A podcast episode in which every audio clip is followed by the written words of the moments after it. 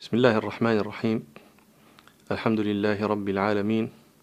والصلاة والسلام على أشرف الأنبياء والمرسلين سيدنا محمد وعلى آله وأصحابه أجمعين. هذه حلقات نتحدث فيها عن إمام دار الهجرة مالك بن أنس رحمه الله تعالى. وأول ما يبدأ به في الحديث عنه هو نسبه ونعته وما يتصل بذلك. ومالك الإمام مالك رحمه الله هو مالك بن أنس بن مالك بن أبي عامر بن عمرو بن الحارث بن غيمان بن خثير بن عمرو بن الحارث. والحارث هذا هو ذو أصبح عندما يقال الإمام مالك. الإمام مالك أصبحي فأصبح هو هذا هو الحارث هذا. بن عوف بن مالك بن زيد بن شداد بن شداد بن زرعة. وزرعة هذا هو حمير الأصغر. عندما يقال حميري فالنسبة إلى آه، زرعة هذا. ولذلك يقال الإمام مالك حميري أصبحي تيمي لكنه آه، آه، يعني تيمي بالولاء لا بالنسبة ولد في المدينة في مدينة رسول الله صلى الله عليه وسلم في سنة ثلاث وتسعين على الصحيح. قالوا ولد مالك بن أنس آه، لم في السنة التي مات فيها أنس بن مالك آه، يعني آه، خويدم رسول الله صلى الله عليه وسلم. وأمه أزدية عربية صليبة وأهله بيتهم بيت علم أبوه محدث وعمه محدث وجده محدث وكانوا يكتبون المصاحف. سنتحدث عن هذا إن شاء الله فيما نستقبل. وكان له أولاد وكان له بنون وبعضهم روى عنه الموطأ وبنته آه، روت عنه الموطأ. وكان جميلا آه، وسيما أبيض شديد البياض آه، حتى قيل كان لونه مائي الصفرة. وكان أصلع وكان عظيم الهامة عظيم اللحية كثها تملأ صدره. وكان أعين كبير العينين. وقال عيسى عمر بن عيسى المديني ما رأيت بياضا في حمرة. يعني كما كالذي رأيته في مالك بن, بن أنس رحمه الله. فكان رحمه الله جميل الصورة وسيما زين الله هذا مما زاده الله إلى حسن خلقه وحسن سمته. هل الإمام مالك بشر به نبي الله صلى الله عليه وسلم؟ حديث معروف مشهور بين الناس رواه الإمام أحمد الترمذي وغيرهما. عن أبي هريرة رضي الله عنه أن رسول الله صلى الله عليه وسلم قال يوشك أن يضرب الناس أكباد الإبل فلا يجدون عالما في طلب عالم فلا يجدون عالما أعلم من عالم المدينة. هذا الحديث اختلف فيه اختلفت فيه أنظار المحدثين. يعني طائفة صححته وطائفة ضعفته والسبب في ذلك هو ابن جريج وإسناده رجاله ثقات جميعهم لكن ابن جريج كان مدلسا وقد عنعنه. وطبعا هذا مما يرد به السند لكن لا يجزم به بالتضعيف لأن قد عنعن لكن الاحتمال غير مقطوع بنفيه أنه سمع.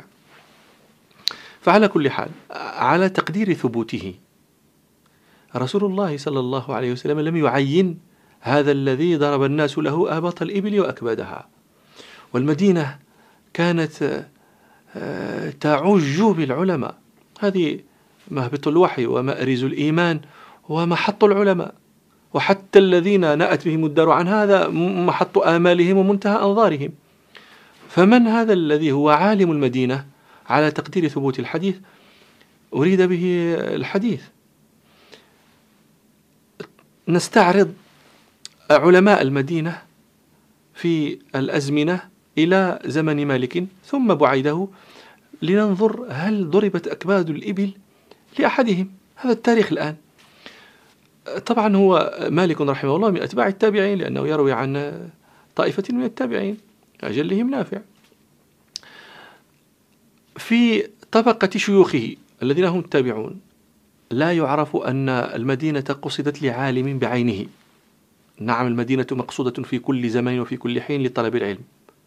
لكن أن يقصد فيها عالم بعينه هذا لم يعرف في طبقة شيوخ مالك رحمه الله أنه كان فيها الفقهاء السبعة. وكان فيها آه، نافع وكان فيها آه، آه، الزهري وهم صغار التابعين. وهؤلاء جميعا يعني تقصدهم الناس للدراسة عليهم. في طبقة شيوخ شيوخ مالك وهم الصحابة ما كانت تشد الرحال لواحد بعينه. في الطبقة التي بعد مالك أيضا كثر أهلها. لكن في طبقة مالك وإن وجد علماء معه في زمنه وعصره لكن لا يعرف أن الرحلة شدت لأحد كما شدت له هو. وهذا اشتهر جدا وكانت الناس تأتيه من الأقطار وكم أتاه الناس من العراق وكم أتوه من من الشام وكم أتوه من مصر وكم أتوه من إفريقية وكم أتاه من الأندلس وهو أنأى وأبعد وهي أنأى وأبعد أقطار الإسلام عن المدينة في ذلك الوقت كلهم لا يقصد بالمجيء إلا مالك بن أنس رحمه الله. فلذلك نقول إذا ثبت الحديث فالأظهر أن المراد به مالك بن أنس إمام دار الهجرة رحمه الله. فهذا هذا نسبه وهذا بيته وهو عربي حميري مدني علمه علم أهل المدينة جمع ما كان يرويه أهل المدينة من الحديث وأضاف إليهم ما فتح الله به عليه من الفقه وأنتج وكان هذا الرجل الذي ما زال حديثه يطرب السمار وتسير به وتسير به الركبان في الأقطار وإلى مجلس قادم إن شاء الله والحمد لله رب العالمين. بسم الله الرحمن الرحيم الحمد لله رب العالمين والصلاة والسلام على أشرف الأنبياء والمرسلين سيدنا محمد وعلى آله وأصحابه أجمعين قد يتساءل إنسان مالك هذا كان معه أقران درسوا معه وطلبوا العلم معه وداروا على الشيوخ معه فما بالهم أخبارهم انقطعت وخبره برز هذا السؤال يعني الجواب عنه قد يكون على أوجه وأنماط لكن من من أحد هذه الأنماط. أن يقال إن البيئة إن البيت الذي ينشأ فيه هذه الذي برز قد يكون من أسباب تبريزه أن البيت بيت علم. فيكون هذا التسلسل في العلماء ينتج عنه واسطة عقد يبرز ثم يستمر بعد ذلك أيضا على النحو الأول. وهذا الذي هذا هذا يصح في بيت مالك بن أنس رحمه الله. أنا قلت لكم هو مالك بن أنس بن أبي مالك بن أنس أنس بن مالك بن آه، هو مالك بن أنس بن مالك بن أبي عامر. جده هذا مالك بن أبي عامر الأصبحي هذا أحد التابعين أحد كبار التابعين. وهذا كان من علماء المدينة وكان ممن يكتب المصاحف وكان آه، هو أحد الأربعة الذين حملوا جثة عثمان بن عفان رضي الله عنه بعد قتله ودفنوها ليلا. فكان من العلماء. آه، أبوه أنس بن آه، مالك بن أبي عامر هذا كان أيضا من أهل الحديث على قلته فيه. كان قليل الحديث لكنه كان محدثا. عمه آه، نافع بن مالك بن أبي عامر. هذا أيضا من المحدثين ومالك يكثر الرواية عنه في الموطأ. أخوه النضر من العلماء أيضا. بل كان هو مالك كان يعرف بأخيه. لما جلس ربيعة وكان أخوه النضر سبقه إلى طلب العلم كان مالك يقال فيه هذا مالك أخو النضر. ليعرف وليماز يقال فلان أخو فلان. فطبعا يذكر ينسب إلى الأفشاء ذكرا والأسيار ذكرا وهو النضر. فما زال به طلبه للعلم حتى صار يقال النضر أخو مالك. وابن عمه كان من العلماء و يعني الحواشي كانت وبنته كانت. يعني الشاهد أن الغالب على الأسر البيوت التي يتسلسل فيها العلم الغالب أن يخرج الله منها واسطة عقد درة تملأ سمع الدنيا وبصرها. ثم يعود. هذا أمر نشهده في كثير من البيوت في المغرب والمشرق. وما زال يعني على قلة الآن تسلسل العلم في البيوت قال وإلى الله المشتكى. لكن هذا من الأسباب. ولذلك ينبغي أن يحرص الموفق أن آه، يكون يعني يحاول أن آه، إذا إذا إذا وصل المجد إليه لا ينقطع عنده. وإذا لم يكن من أهل بيت فيهم مجد فليصنعه ولست أعلم شيئا. آه، أجدى وأنفع في المجد الباسق والعزة القعساء من هذا العلم الشريف. والغريب أن مالك رحمه الله ربما كان آه، كانت أخته خيرا منه في صغره. قال لعل أبوه يطرح المسألة على أبنائه فيجيبون ويغلط مالك. لكن يجيء بعد ذلك فتح الله تعالى يجيء بعد ذلك هذا الرزق الذي هو هذا الفهم وهذا الحفظ آه، في هذه البيئة ويكون مالك هذا الذي يتحدث عنه الناس وإلى مجلس آخر إن شاء الله. والحمد لله رب العالمين. بسم الله الرحمن الرحيم. الحمد لله رب العالمين. والصلاة والسلام على أشرف الأنبياء والمرسلين سيدنا محمد وعلى آله وأصحابه أجمعين. مالك رحمه الله يأتي يوم القيامة بخير كثير لهذا السنة التي حفظها على أمة رسول الله صلى الله عليه وسلم ولهذا الدلالة على الله التي دل عليها كثيرا جدا من الناس الذين اتبعوه وتمذهبوا بقوله ودانوا الله باجتهاده. لكن يأتي قبله إنسان ومعه مثل هذا الأجر وهذا الإنسان هي أمه. أمه التي حملته على طلب العلم. وهذا معروف جدا لا يجهله أحد أن أم الإمام مالك رحمه الله أمرته بعثته إلى ربيعة عممته وجعلت على رأسه الطويلة ولبسته وألبسته ثيابا مشمرة ثياب طلبة العلم في ذلك الزمن وقالت له اذهب إلى ربيعة. وأمرته أن يأخذ من سمته وأدبه قبل أن يأخذ من علمه وقد فعل مالك رحمه الله.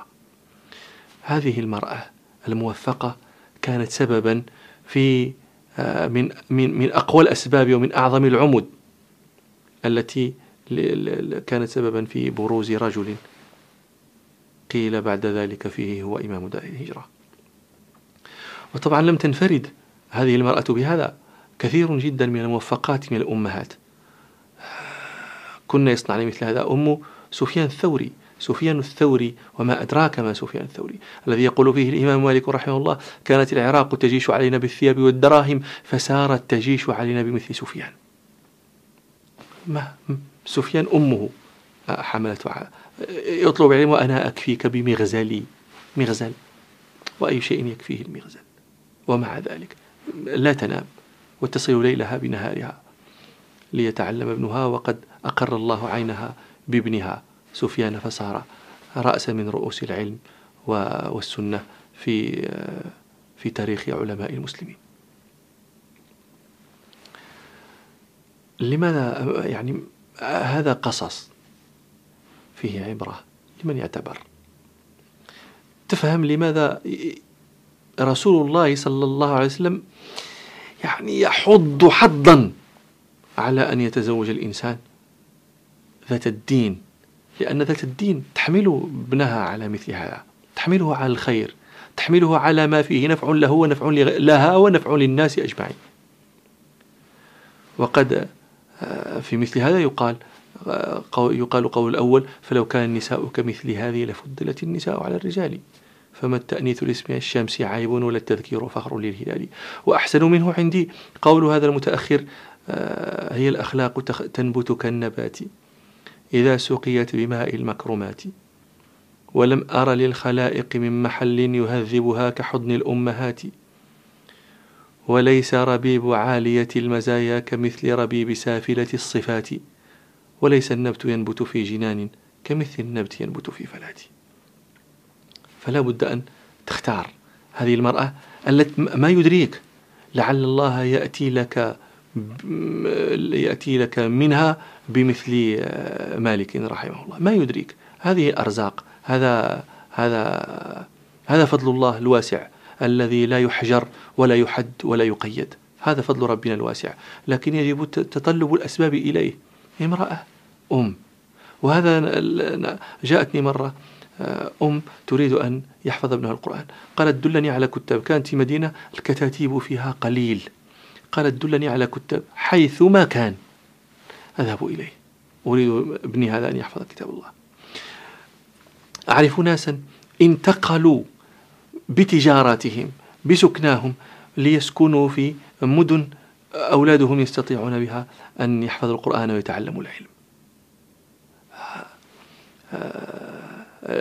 السر هو هذا المرأة الصالحة المرأة الموفقة التي كأنها تنظر إلى الغيب من ستر رقيق. ليكون هذا ولا سيما إذا كان الولد فيه ذك يظهر منه ذكاء يظهر منه آه، ما يرجى به أن يكون ذا بال وذا شأن في هذا الباب. لا ينبغي أن يضيع. لا ينبغي. لا تحزنوا على لا تظنوا أن طلب العلم يفوت الدنيا. كانوا يقولون من أراد الآخرة فعليه بالقرآن ومن أراد الدنيا فعليه بالقرآن. نحن في المغرب لنا مثل. يقولون إن القرآن إذا لم يصنع لصاحبه شيئا من الدنيا. ما يعني أخره تأخيرا؟ أقل ما يصنع له. أنه يبسط له البساط الهيدورة هذه نسميها الهيدورة هو جلد الغنم. يبسط له البساط ويجلس عليه ويؤتاه ويؤتى بفطوره وغذائه وعشائه. هذا إذا لم هو في أي شيء يسعى الناس إلا لهذا. هذا إذا لم يصنع له شيئا. فكيف إذا صنع؟ حتى الملوك فمن دونها آه، تخطب وده والقرب منه. وإلى مجلس آخر إن شاء الله. والحمد لله رب العالمين. بسم الله الرحمن الرحيم. الحمد لله رب العالمين. والصلاة والسلام على أشرف الأنبياء والمرسلين سيدنا محمد وعلى آله وأصحابه أجمعين. ترجو النجاة ولم تسلك مسالكها. إن السفينة لا تجري على اليبس قال آخر ومكلف الأيام ضد طباعها متطلب في الماء جذوة نار والأبيات الشعر في آه، هذا المعنى كثير. ما معنى؟ ما يعني ما المراد؟ المراد أن من أراد شيئا سلك له طريقه واتخذ له أسبابه. تريد النبوغ في العلم له أسباب. نحن ذكرنا بعض حيثيات ذلك ومن حيثياته ملازمة العلماء. مالك رحمه الله قال مرة إني لأعرف الرجل يجلس إلى الرجل ثلاثين سنة. قال من سمعه ما كنا نحسب إلا أنه يحدث عن نفسه لكنه لا يصرح ملازمته لابن هرمز. هل تسمعون هذا في أعصاركم؟ ثلاثون سنة ملازمة ومجالسة. وكيف؟ قال كان يجلس يأتي بيت ابن هرمز يجلس عند بابه والحجر بارد. قال فاتخذ لحافا محشوا يتقي به برد الحجر الذي يجلس عليه في انتظار الشيخ. خرج مرة قال ابن هرمز لجاريته آه، آه، انظري من بالباب. قالت ما ثم إلا ذاك الأشقر. تقصد مالكا. لكثرة الملازمة. لازم الزهري. الزهري يعني آه، الذي صنع معه شيء غريب. حتى إنه مرة قال كان وكان اليوم يوم عيد. وأحسبه أنه يوم عيد فطر فقال مالك في نفسه اليوم هذا اليوم يوم يخلو فيه الزهري. قال فأتيته. فقال الزهري لجاريته انظري من بباب قالت مولاك الأشقر. مولاك تحسبه عبدا له لكثرة ما يلزم بابه ويسعى في خدمته. مولاك فقال أدخله. فلما أدخل قال الزهري وقد شاءه مالك باكرا. قال ما أحسبك انقلبت إلى بيتك؟ قال لم أفعل. قال أطعمت؟ قال لا حاجة لي في الطعام. العيد اليوم عيد يا أبا عبد الله اليوم عيد. طعام وأمك وأبو يعني وإخوانك وكذا و... لا العيد. العيد هذا يوم استفادة. ابن رشد يقول ما تركت الاستفادة أبدا إلا في يومين. يوم دخلت على أهلي ويوم مات أبي. ولا يذكر يوما ترك فيه الاشتغال بالعلم. ولذلك كان الأندلسيون يقولون من ترك الاشتغال يوما من الطلبة هذا الطالب الذي يترك الاشتغال يوما كأنه أضاع سنة. ومن ترك الاشتغال يومين كأنه أضاع سنتين. ومن ترك الاشتغال ثلاثة أيام لم يجئ منه شيء. فقالت له مولاك الأشقر فدخل قال طعم قال لا حشري فيه. قال في أي شيء حاجتك؟ قال أن تحدثني. فقال فقال فحدثه سبعة عشر حديثا. فقال له زدني. فقال وما ينفعك أن أزيدك؟ إذا كنت لا تحفظ. قال مالك إن شئت رددتها عليك. قال قد شئت فردها علي. قال له الزهري قم فأنت من أوعية العلم. ابن هرمز لما قالت له جاريته ليس في الباب إلا ذاك الأشقر قال دعيه ذاك عالم الناس. الملازمة.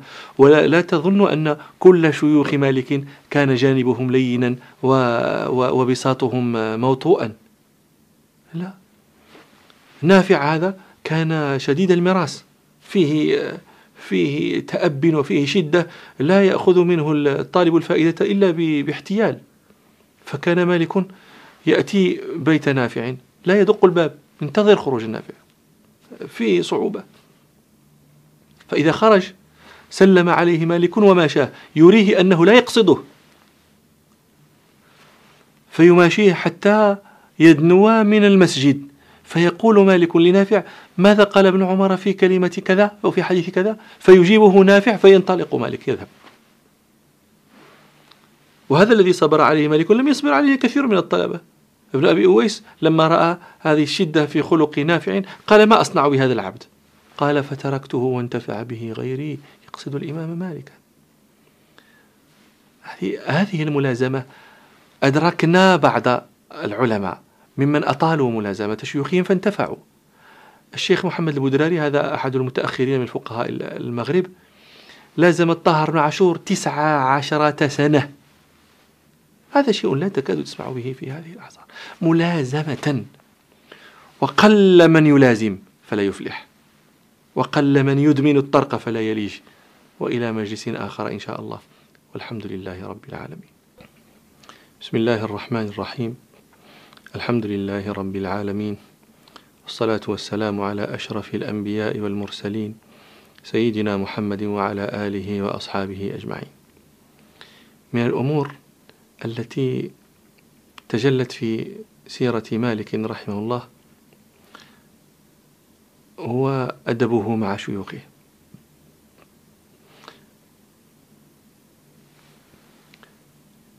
يذكرون في سيرته أن الأمير أمير المدينة دعاه مع ربيعة. فأتى مالك ربيعة وربيعة الرأي ربيعة أبي عبد الرحمن ربيعة بن فروخ شيخ مالك فأتاه وقال لا آتيه أي الأمير حتى أستشيرك. وفي رواية أنه رأى الكراهية في وجه ربيعة يعني كأنه كره أن إن صحت كأنه كره أن آه، يأتي تلميذه معه. فقال مالك له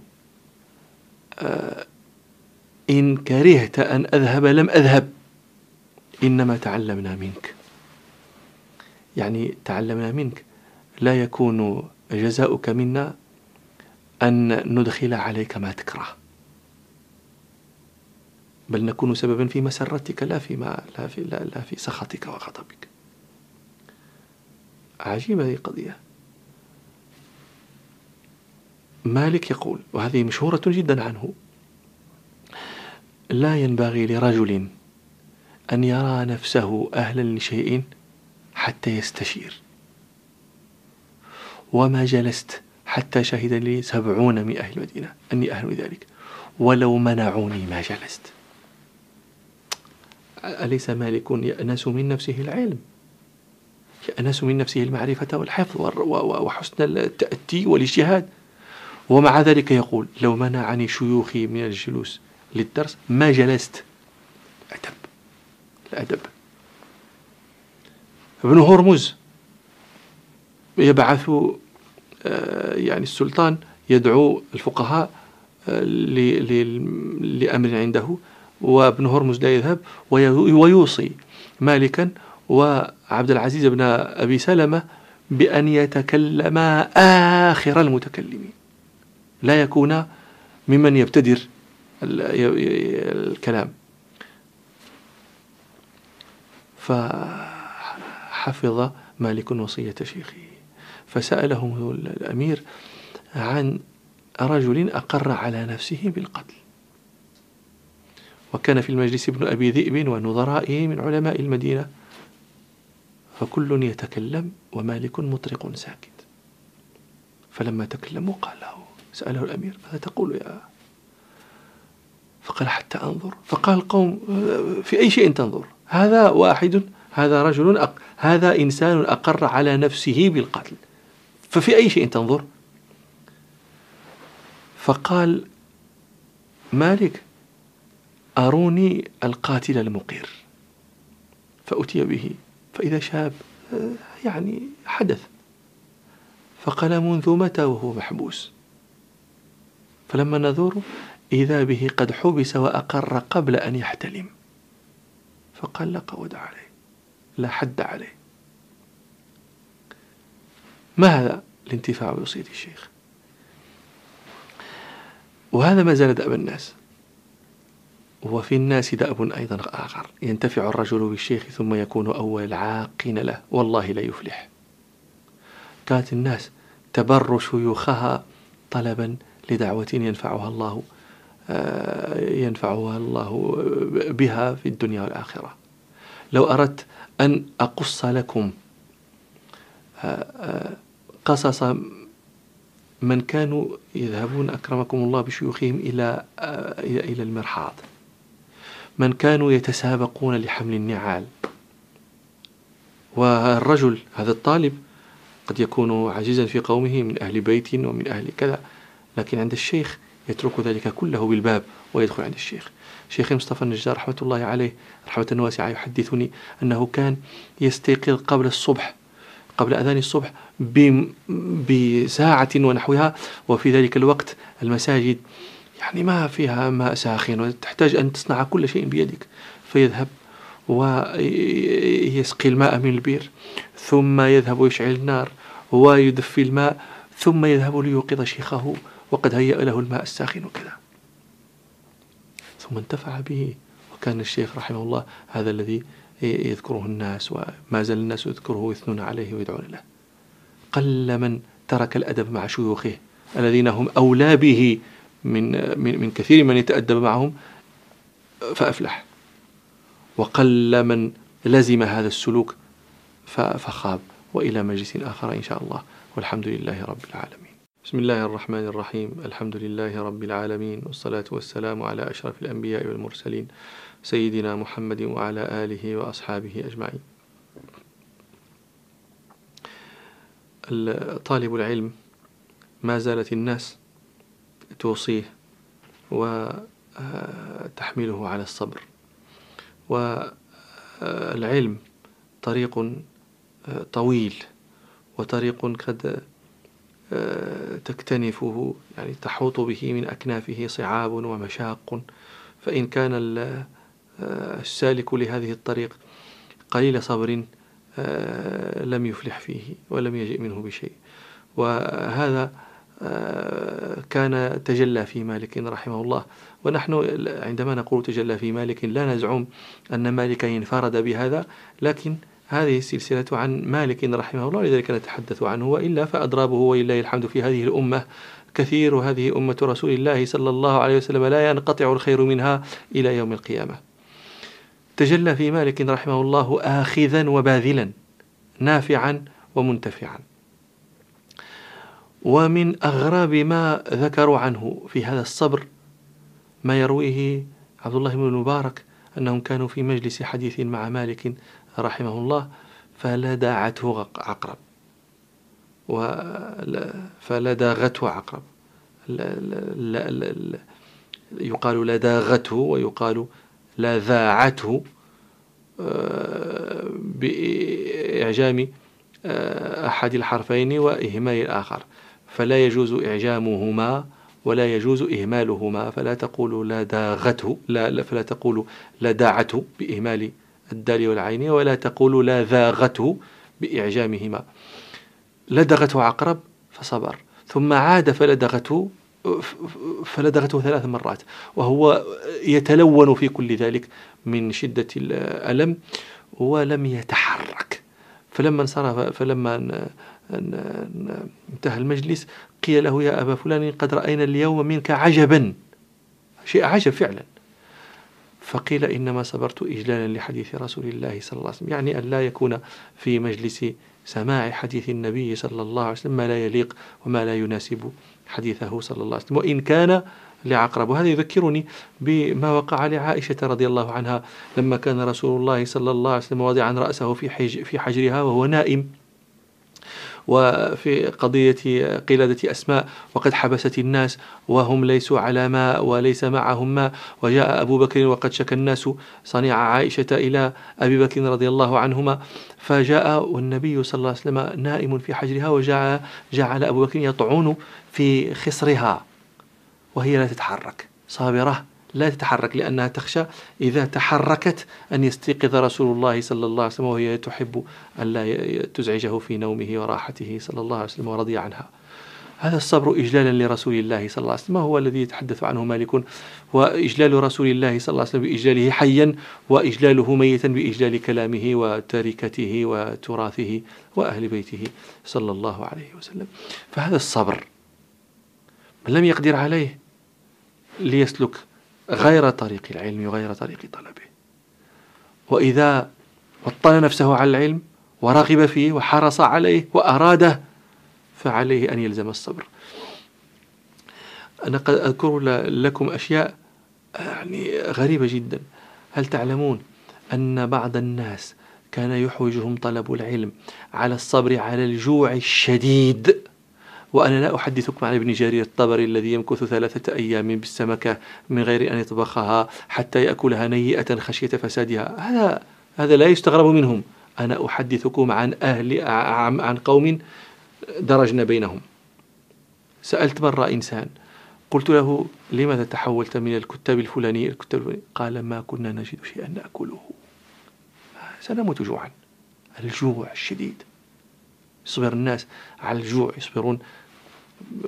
طلبة القرآن يصبرون على الضرب يصبرون على البرد يصبرون على النوم فوق الحصير البالي والحصير على الأرض.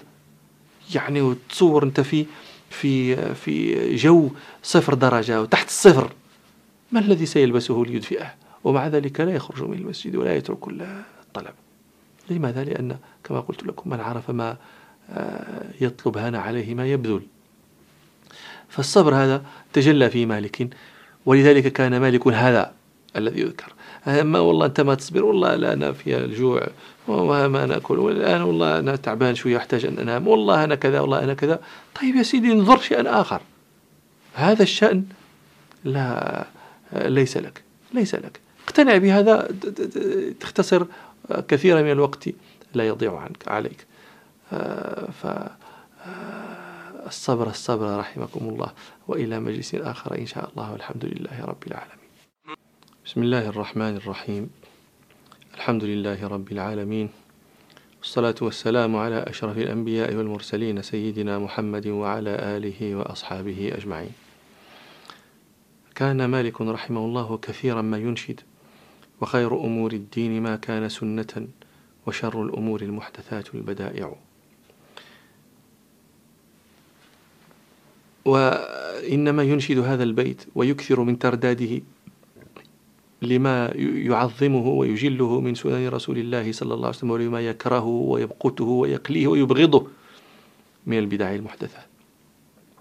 ولذلك قال الإمام أحمد رحمه الله آه، إذا رأيت الرجل يبغض مالك بن أنس فاعلم أنه صاحب بدعة. وقال الإمام أحمد أيضا آه، مالك أتباع من سفيان.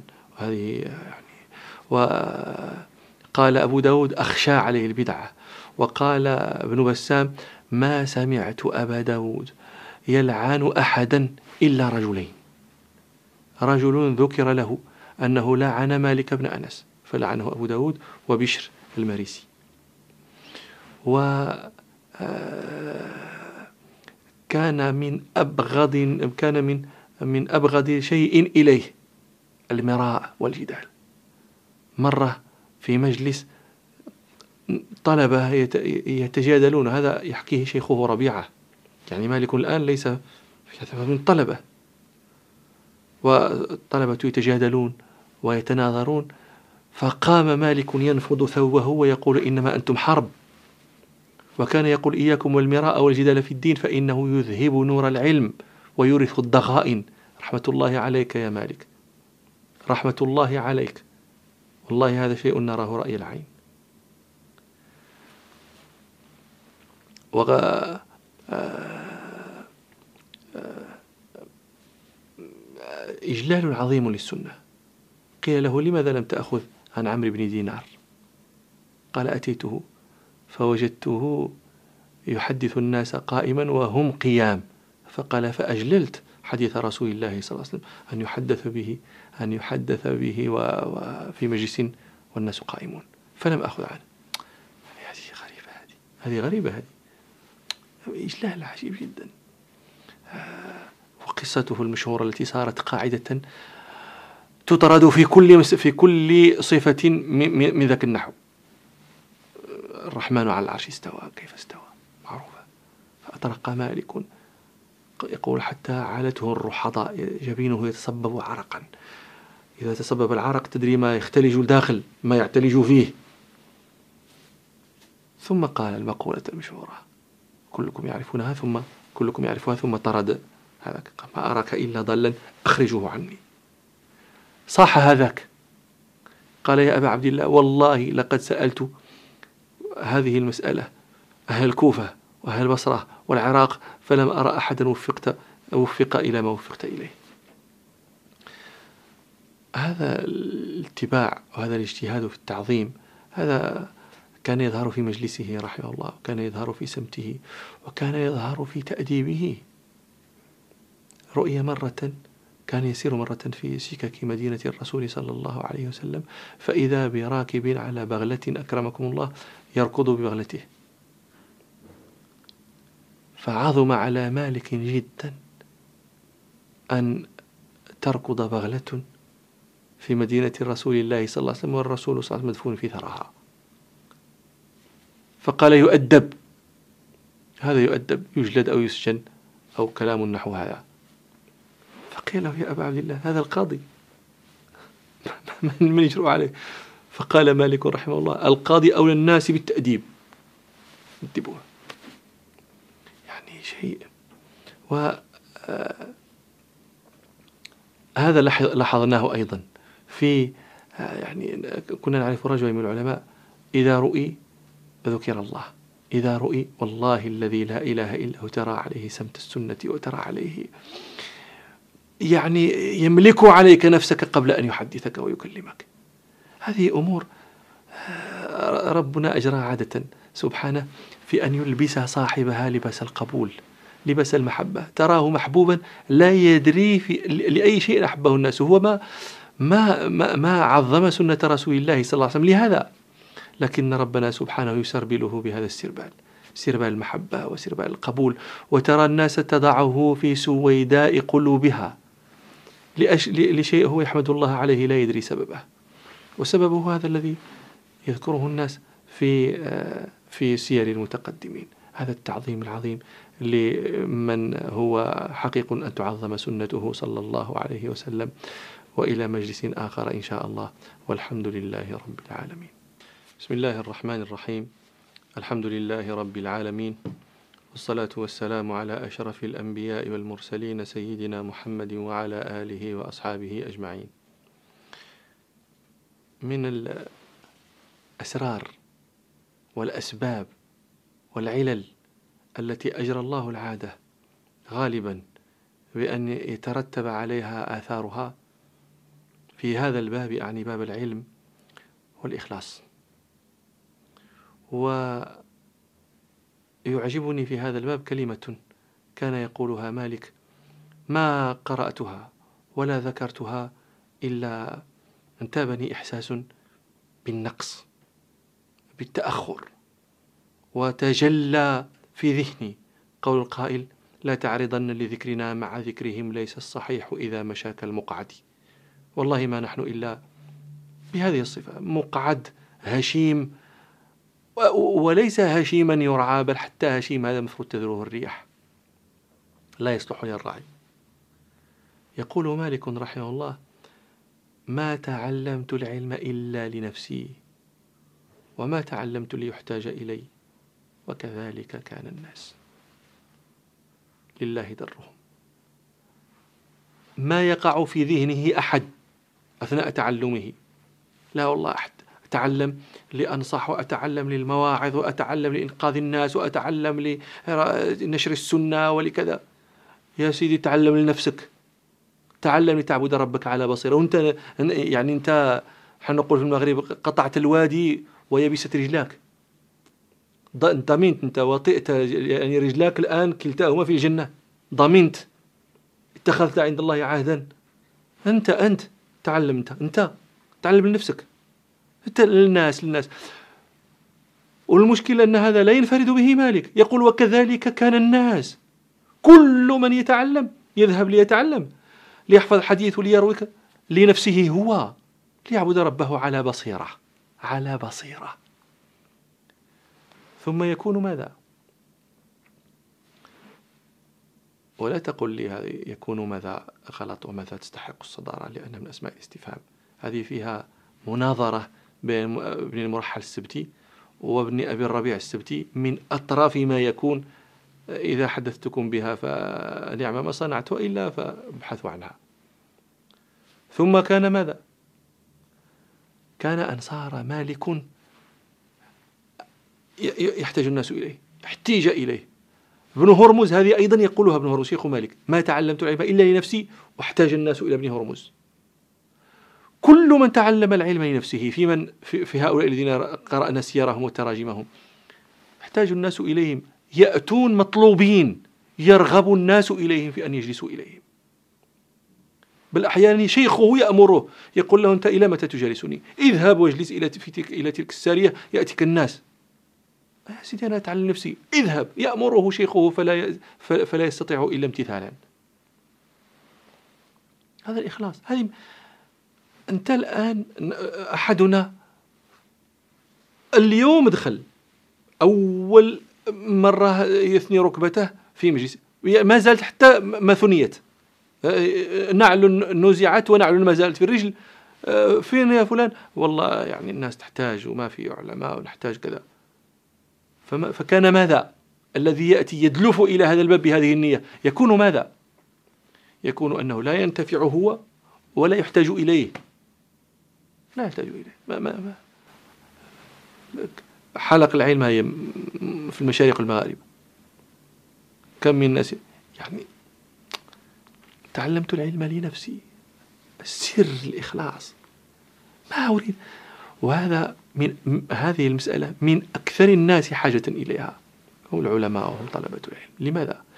ولا سيما إذا أتى الرجل إذا أتى الله رجلا بسطة في العلم وألقى عليه رداء رداء قبول هذا من أعظم الناس حاجة للإخلاص لأن النية تتفلت. ما شيء أشد تفلتا من النية. قد يجيء الرجل مريدا للإخلاص في هذا الباب. فيفتح الله عليه فيثني عليه هذا كلما تكلم أثنى عليه هذا وأثنى عليه هذا والله فلان والله فلتان. وهو يف... هذا نحن بشر. يسرك ثناء الناس عليك. في يوم يجلس للدرس فيلقي درسا فينزل ولا يثني عليه أحد فيغضب ويجد في نفسه. هذا مسكين هذا هذا مشى هذا أصابه الذي أصابه؟ صار يعمل لثناء الناس أو إخلاصا يعني لله ولهم وليثنوا عليه. لا العمل مشكلة هذه. هذه كلمة نبراس. هذا مشكاة يضعها الطالب العالم أمامه يسير فيها. ما تعلمت العلم إلا لنفسي. ما أريد به إلا وجه الله. يستوي عندي ذم الذام وإطراء المطري وإلى مجلس آخر إن شاء الله. والحمد لله رب العالمين. بسم الله الرحمن الرحيم. الحمد لله رب العالمين. والصلاة والسلام على أشرف الأنبياء والمرسلين سيدنا محمد وعلى آله وأصحابه أجمعين. روى ابن وهب رحمه الله قال قدم علينا الزهري فأتيناه ومعنا ربيعة. فحدثنا أربعين حديثا. قال ثم عدنا إليه من الغد. فطلبنا منه أن يحدثنا. فقال أرأيتكم ما حد أرأيتكم أرأيتم ما حدثتكم به أمس؟ ما الذي في أيديكم منه؟ أفي أيديكم منه شيء؟ فقال له ربيعة ها هنا من يرد عليك كل ما حدثت به أمس. فقال الزهري من؟ فقالوا ابن أبي عامر. قال هات. قال فحدثه مالك بالأربعين حديثا. فقال الزهري ما كنت أظن أنه بقي من يحفظ هذا غيري. ونحن ذكرنا لكم فيما مضى القصة التي لما قصد مالك دار الزهري يوم العيد.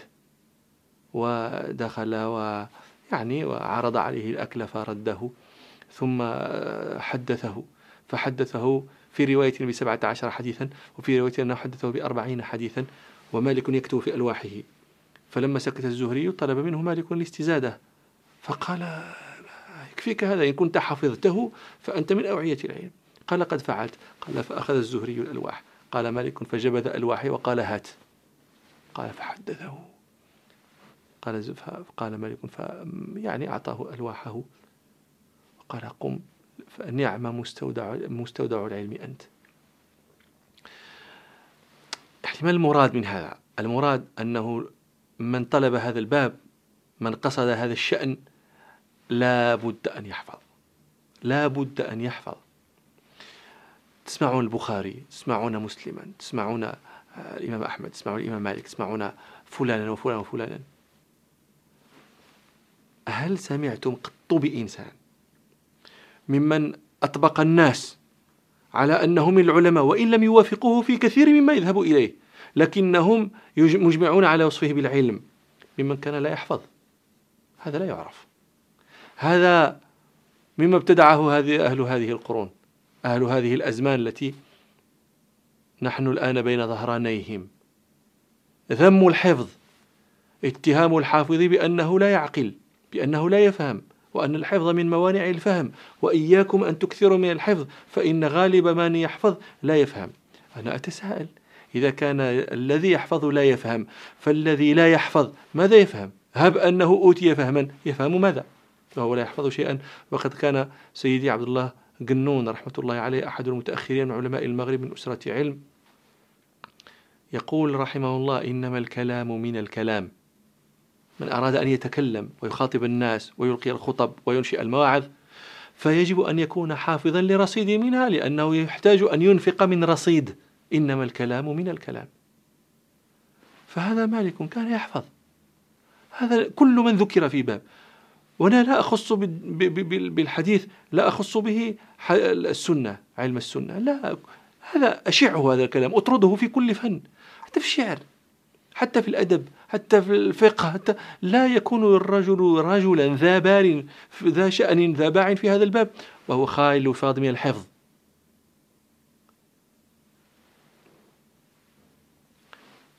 وهذه ثم هذا الحفظ شيء امتاز به العرب. هذه ميزة. والله سبحانه ميزهم بهذا لما كان يؤهلهم إليه من حفظ الوحي. هذه سمة الناس سمة هذه الأمة. في كتب الأمم التي تقدمت أناجيلهم في صدورهم. وهذه مما اختصنا الله به. ليست أمة ممن تقدمنا. حفظت الكتب التي آه، جاء بها أنبياؤها إلا هذه الأمة. الشيخ أحمد ديدات رحمة الله عليه وهو من؟ هو معروف عند الناس. وكنا نحسب أنه يحفظ الأناجيل حفظا. وما أقول إنجيل أقول أناجيل بروايتها رواية الملك جيمس والرواية المراجعة إلى أن قال مرة أنا لا أحفظ الإنجيل فهدم لنا شيئا كنا بنيناه من أوهامنا. لكن أعاد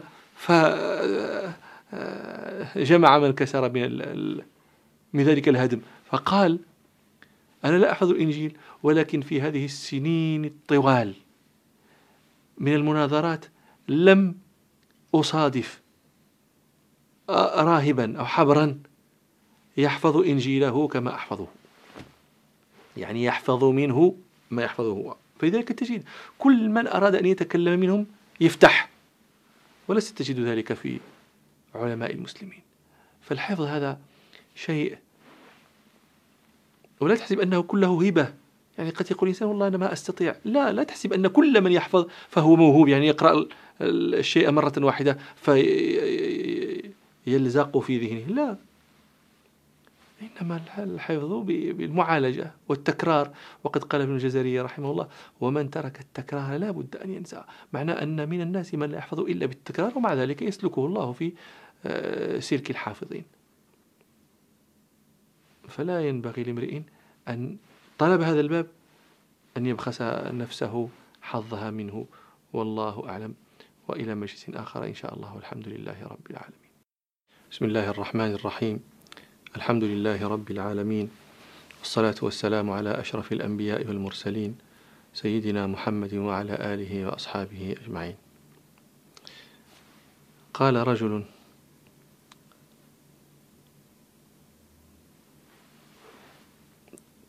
تعلمي العلم واقرأ. تحز فخار النبوة. فالله قال ليحيى خذ الكتاب بقوة. خذ الكتاب بقوة. هذا العلم يحتاج جدا ويحتاج اجتهادا ويحتاج قوة. من أخذه أخذا مترهلا لا ينتفع به. بني يجتهد قال رجل من متأخر المغاربة يخاطب ابنه. بني يجتهد ويدرس وزاحم ونافس ولا تتجمع في رحاب المدارس. وكن باحثا عن فهم كل عويصة بذهن يرى مستيقظا غير ناعس. وكسر جموع اللهو واصرم حبالها وكن في جموع الخير أول جالس. هذا تجلى في مالك رحمه الله. قال كنت آتي دار ابن هرمز صباحا فلا أخرج منها إلا ليلا. يوم. هو جالس عند ابن هرمز. قال كنا نأتي درج ابن شهاب فنتزاحم عليه حتى يسقط بعضنا على بعض. شيء. لذلك قال سفيان بن عيينة ما رأيت أحدا أجود أخذا للعلم من مالك.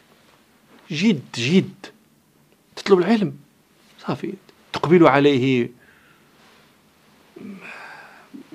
كلك. تقبل عليه. يعني ترتمي فيه ارتماء. يعني كان كثير من العلماء ربما قيل فيه هذا موسوس مسكين هذا مريض مسكين هذا مجنون مسكين. وإنما هو الذهن الذي لا يرتاح. في كد وفي عمل وفي اجتهاد. آخذا وباذلا. ولذلك مما يستدل به العقلاء على أن الطالب هذا والطالب هذا لا ينتفع. وليس ممن يأخذ هذا العلم بجد أنك تراه في أسبوع في شهر هو مجتهد. ثم يمل يأتيه الملال ويأتيه الكلال ويأتيه التعب فيترك شهرين.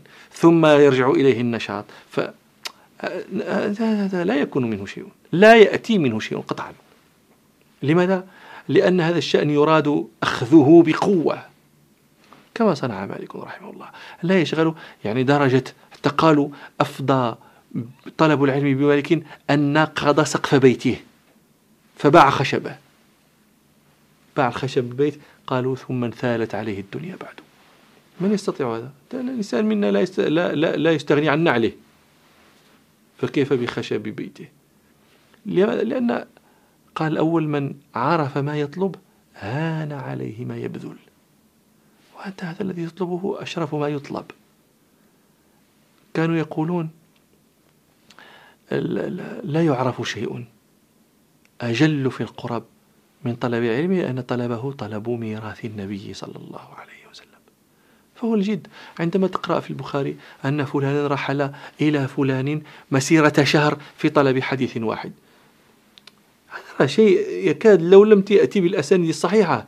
لا يمكن أن يصدقه عقل ولا سيما عقل إنسان في هذه الأزمان لأنه أنت جارك يجعل يجلس يعني ينشئ مجلسا في الأربعين النووية. جارك تحتاج أنت تخرج تدخل من بيت تخرج من بيت فما تأتيه لأربعين حديثا. إذا كان يمشي شهرا في حديث واحد.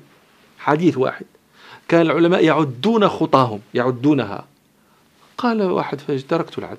كثر علي هذا. يعني جد ما هذا قلنا أعرف رجلا كان يسافر في كل أسبوع وربما قطع في اليوم الواحد في ذهابا وجيئة 700 كيلومتر. ليقرأ القرآن يمكن نصف ساعة. نصف ساعة. استمر على ذلك سنين. وربما قطع تلك 700 كيلومتر ولم يقرأ شيئا. ثم يرجع. لكن لا بد أن الرب الرحيم الرب الكريم. مثل هذه الجهود تبذل. دائما ترى يعني وهذا فضل الرب سبحانه. يرى أثرها على أصحابها. يرى ذلك. الجد. وإذا لم يكن عندك هذا الجد فأقول لك كما قال الخليل إذا لم تستطع شيئا فدعه. وشاوزه إلى ما تستطيع. كل الناس يريد أن يكون عالما. هذا تكليف للأيام بضد طباعها. وقال المتنبي مكلف الأيام ضد طباعها متطلب في الماء جذوة نار. تجدها؟ سير ابحث اطلب في البحار كلها. أتجد فيها جذوة نار. فاطلب يعني مسلكا آخر. تسلك به إلى رضا الله تعالى. تسلك به إلى الجنة. وتنفع به نفسك. وتنفع به آه، من يلزمك نفعهم.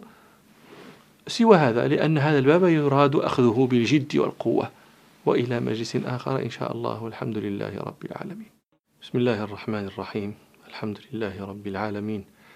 والصلاة والسلام على أشرف الأنبياء والمرسلين سيدنا محمد وعلى آله وأصحابه أجمعين. قال مالك طرح علينا ألقى علينا أبي مسألة أنا وأخي. فأجاب أخي وغلطت فيها. فقال أبي ألهاك اللعب بالحمام عن طلب العلم. قال فغضبت. فقمت فلزمت ابن هرمز سبع سنين. لم أخلطه بغيره. هذا الترتيب المنطقي. تكون تريد أن تكون عالما؟ يجب أن تتعلم. لا يعرف غير هذا في منطق الأشياء. لا بد أن تتعلم لتكون عالما. لا يمكن أن تبيت أميا وتستيقظ عالما. هذا إلا إذا أتيت علما لدنيا وما أحسب أنك تذهب إليه. وهذا العلم اللدني الذي بعضهم يعني قد يوجد له شاهد في قوله وأتيناه من لدنا علما وبعض كثير من العلماء يفسره بأنه هو هذا الفهم الذي يلقيه الله تعالى يؤتيه الله من يشاء من عباده. لا بد له أيضا من مقدمات التعلم ولا يتصور ولذلك يقول وإنما العلم بالتعلم وهذا صيغة حصر. إنما العلم بالتعلم. يعني لا يكون العلم بغيره. فهذا منطق الأشياء. العلم بالتعلم. قلنا صيغة حصر.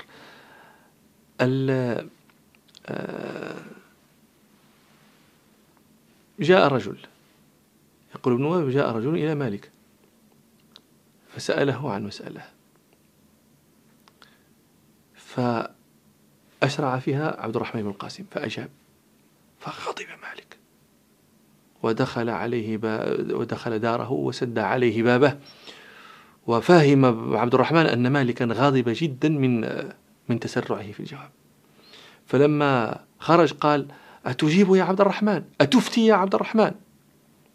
ما يجب يعني هل كل من شاء أن يجيب أجاب؟ كل من شاء أن يفتي أفتى؟ لا. ما أفتيت حتى شهد لي. شهد لي أنني أهل أنني موضع لذلك. من شهد لك أنت يا عبد الرحمن؟ وقد أفتيت. من؟ شيوخك أنا شيخك. ما زلت ما قلت لك تفتي. لم, لم أبيح لك ذلك ولم أذن لك فيه. فلما هدأ سكن غضبه قيل له من سألت؟ قال سألت الزهرية وربيعة. التعلم. لابد. عالم تعلم. ولذلك الآن عندما يريد الإنسان أن يصير عالما ولا يصبر على التعلم هذا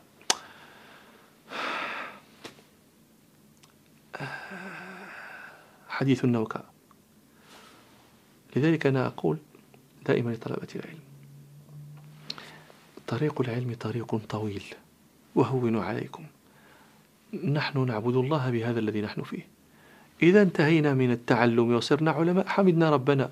وإذا أدركنا الأمر قبل هذا إنما فيكون فنقول أن نلقى ربنا ونحن في سبيل سبيل عبادة وسبيل خير. فلماذا العجلة؟ ولا تأتي بخير. العجلة لا تأتي بخير في هذا الباب. عندما يجيك إنسان يقول لك أنا سأشرح بلوغ المرأة أشرح عمدة الأحكام أشرح كذا أشرح الأربعين النووية. هذه الأحاديث بأي ألسنة الناس؟ باللسان العربي. هل درست أنت اللسان العربي؟ هل تعرف شيئا؟ تفسر يعني سمعنا الناس تغلط في رواية في تلحن اللحن الجلي. ما حقه النصب يرفع ما حقه الرفع يكسر. ويفسر. وهذا هذا قال رجل من علماء المالكية والمتأخرين لهذه الطائفة من الناس ناديتكم يا علماء العصر في كل قرية وكل مصر. على الحديث كلكم وقد فسد لسانه أجرأ من خاص الأسد. هل قدمتم قبل ذا المروم ألفية أو ابن آج الروم؟ خوض المعارك وأنتم عزل آه هذا منكم أجد هذا منكم أم هزل؟ والله ما هو إلا هزل. لكنه هزل في موضع لا يحتمله وإلى مجلس آخر إن شاء الله. والحمد لله رب العالمين. بسم الله الرحمن الرحيم. الحمد لله رب العالمين. والصلاة والسلام على أشرف الأنبياء والمرسلين سيدنا محمد وعلى آله وأصحابه أجمعين. كان مجلس مالك رحمه الله للدرس مجلسا حافلا مجلسا فخما مجلسا يليق بالذي سيطرح فيه وسيحدث به فيه وهو حديث رسول الله صلى الله عليه وسلم.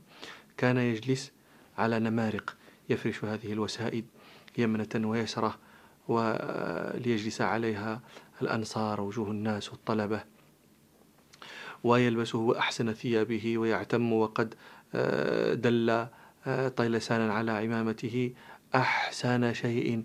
آه، يعني هو كالملوك أو يعني إذا رأيته حسبته ملكا أو أشبه شيء بالملوك. وكان يلبس ثيابا فاخرة ويقوم بعض العبيد آه، على رأسه يؤدبون من يظهر منه من الغرباء. سوء أدب. أما أهل المدينة فكانوا أعلم بمجلس مالك من أن يكون منهم ما لا يليق بهذا المجلس. وكانوا يجلسون في في هذا المجلس وكأن على رؤوسهم الطير. وكان مالك لا يقرأ مالك رحمه الله لا يقرأ كتابه. وكان له ناسخ قد كتب كتبه اسمه حبيب. وكان هو الذي يقرأ للجماعة ولا يدنو أحد منه. ولا ينظر أحد في كتاب حبيب. هيبة لمالك وإجلالا. وكان إذا أخطأ حبيب فتح عليه مالك رحمه الله وكان ذلك قليلا ما يكون. وربما كان التأديب ضربا وربما كان دون ذلك لمن لا يليق أن يضرب. يحدث جعفر بن إبراهيم هذا أحد آل بيت رسول الله صلى الله عليه وسلم في المدينة قال كلم صديق لأبي الإمام مالكا آه، لأحضر مجلسه. فقال فحضرت. فحضرت قال فكنت أدل بنسبي من رسول الله صلى الله عليه وسلم. فأتخطى المجالس أتخطى الرقاب إلى وسادة مالك. فكان لا يوسع لي ولا يتحرك ولا ينظر إلي احتقارا لي ويريني أنه لم يرني ولم يبالي. قال فلما كثر ذلك علي شكوت إلى أبي ما ألقاه في مجلسه. فقال فبعث أبي رسولا إلى مالك يعني يسأله لاعتناء أبي قال فقال الرسول قل له ما هو عندنا وغيره إلا سواء. إنما هو هذا المجلس مجلس علم. فمن سبق إلى المجلس فهو أحق به. من سبق إلى المكان فهو أحق به.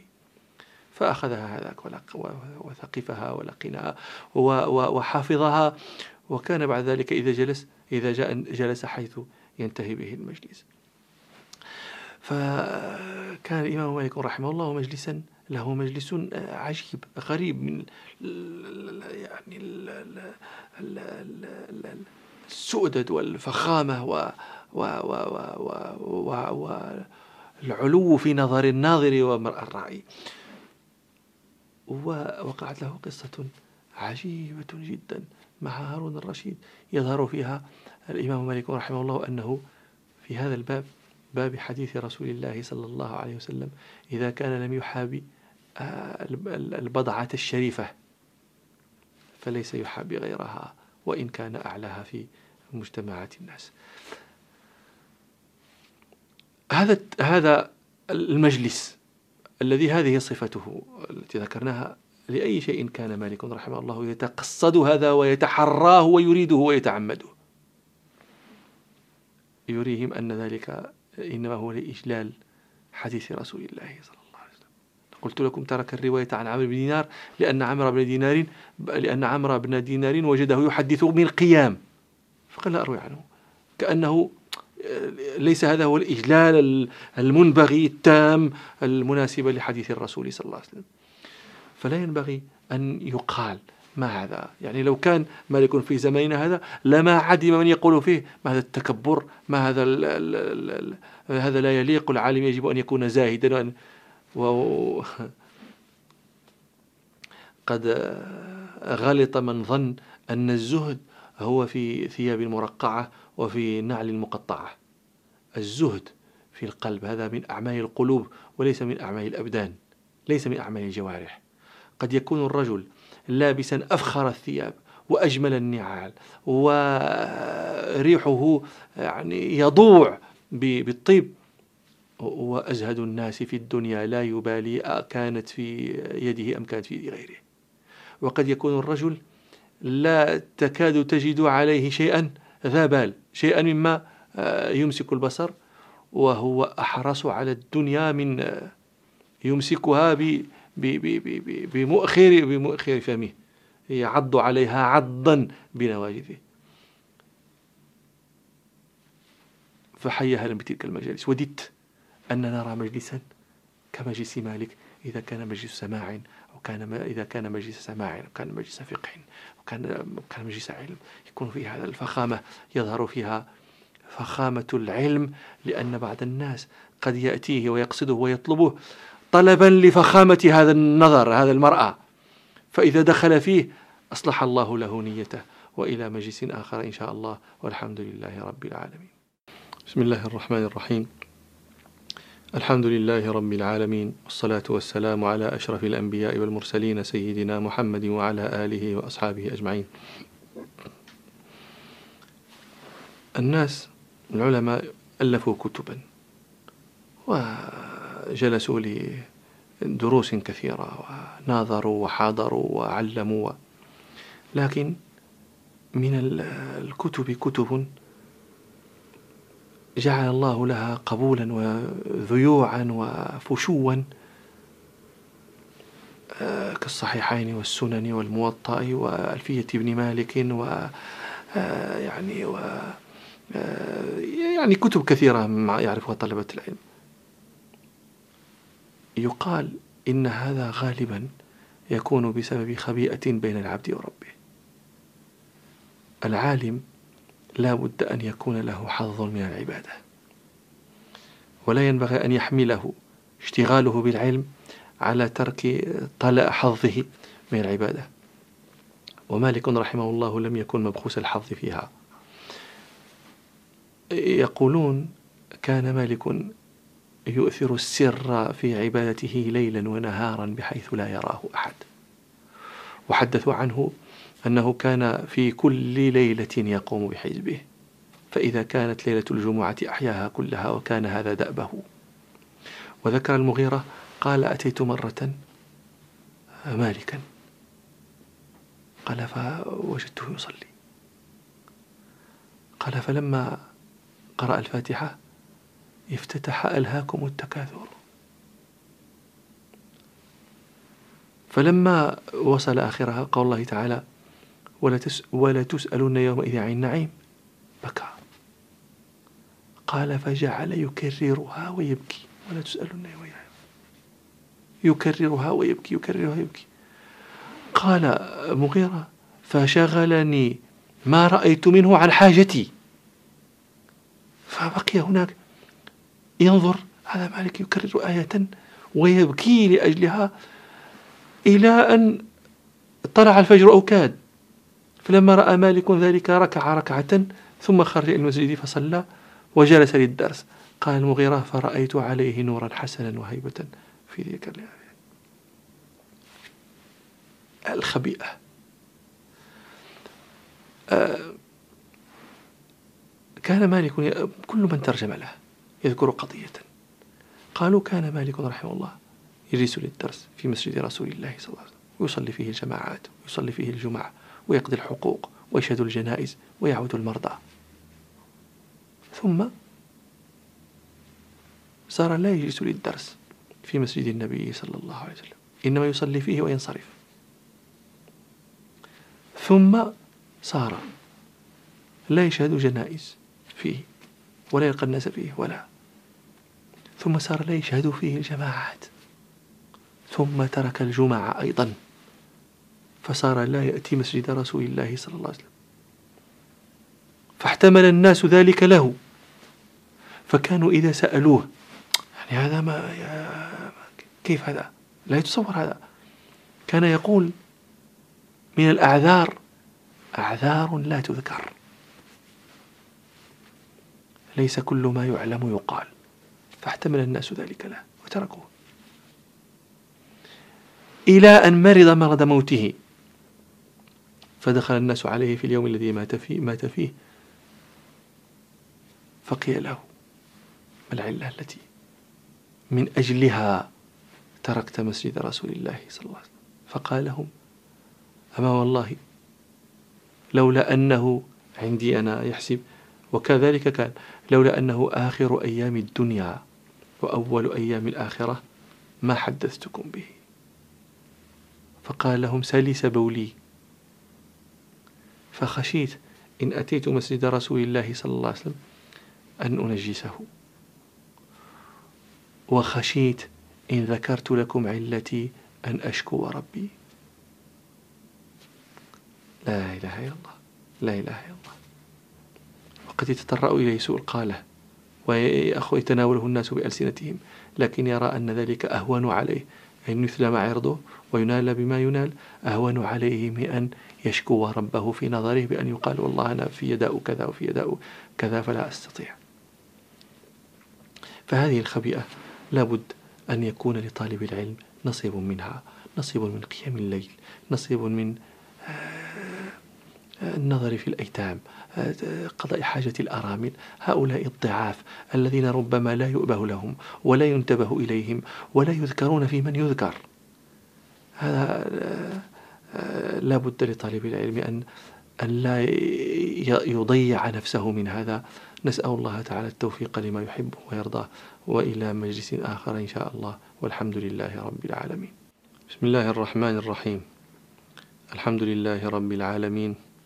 والصلاة والسلام على أشرف الأنبياء والمرسلين سيدنا محمد وعلى آله وأصحابه أجمعين. قد علم عن مالك رحمه الله أنه كان شديد التعظيم لسنة رسول الله صلى الله عليه وسلم هذا يعرفه الناس أجمعون.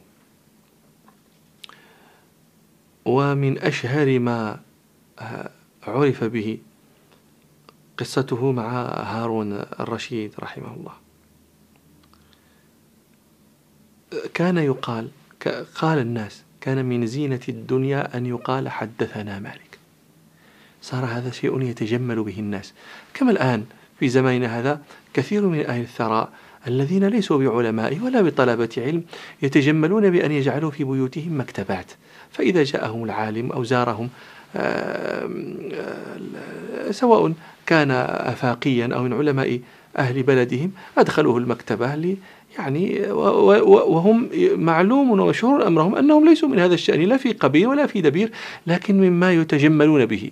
فكان الناس في ذلك الزمان يتجملون بأن يقولوا حدثنا مالك وإن كنت أنت لا تحدث عن مالك. لكن إذا حدثك مالك فهذا وسام قلادة تتجمل بها. فأراد هارون الرشيد رحمه الله أن يتجمل بهذا أيضا.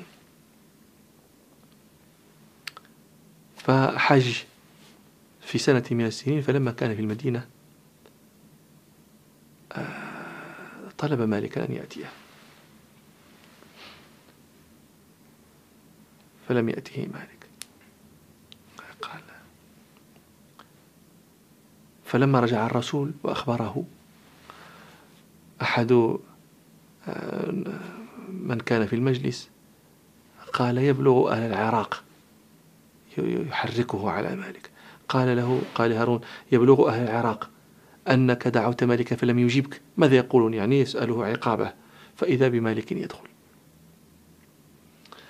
فقال له آه، ما منعك أن أن تأتينا؟ فقال له مالك رحمه الله يا أمير المؤمنين إن هذا العلم منكم خرج وأنتم أهله. أنت, أنت, أنت ابن عم رسول الله صلى الله عليه وسلم.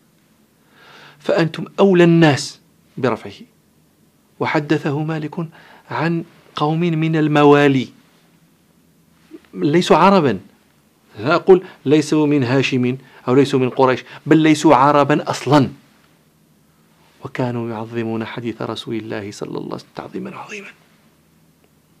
فأنتم بنو هاشم وأنتم يعني أبناء عم رسول الله صلى الله عليه وسلم أولى بهذا التعظيم من الموالي. فهذا الذي حملني على أني لم أتك لي, لي, لي, لي فقال طيب نأتيك. فانصرف مالك إلى بيته. فجاء هارون. فتأخر مالك في فتح الباب. فلما فتح قال هارون حبستنا على بابك يا مالك. فقال يا أمير المؤمنين قد علمت أنه ما أتى بك إلا حديث رسول الله صلى الله عليه وسلم فما زدت على أن توضأت وتأهبت. فقال أخذ هارون بيده وقال له قد علمت أن الله ما رفعك باطلا. فأراد هارون أن يقرأ الموطأ في بيت مالك. فقال له مالك يا أمير المؤمنين إن هذا العلم لا يذهب خيره حتى يكون خاصا دون الناس. وإنما هذا العلم للعامة. فما كانوا العامة المسجد؟ فوافقه هارون. وأتوا المسجد فقال له اقرأ علي. هارون يريد أن يسمع الموطأ مالك فقال له مالك يا أمير المؤمنين والله ما قرأت على أحد منذ كذا وكذا من السنين. لكن إما أن تقرأ لنفسك وإما أن تنظر من يقرأ لك. فقرئ فطلب من إنسان أن يقرأ. طبعا الخليفة أيضا ممن يجب أن تراعى حيثيته ومقامه. فقرأ إنسان ومالك يسمع وهارون يسمع رحمة الله عليهم أجمعين. هذا التعظيم للسنة للحديث لكل ما يمت إلى رسول الله صلى الله عليه وسلم بصلة.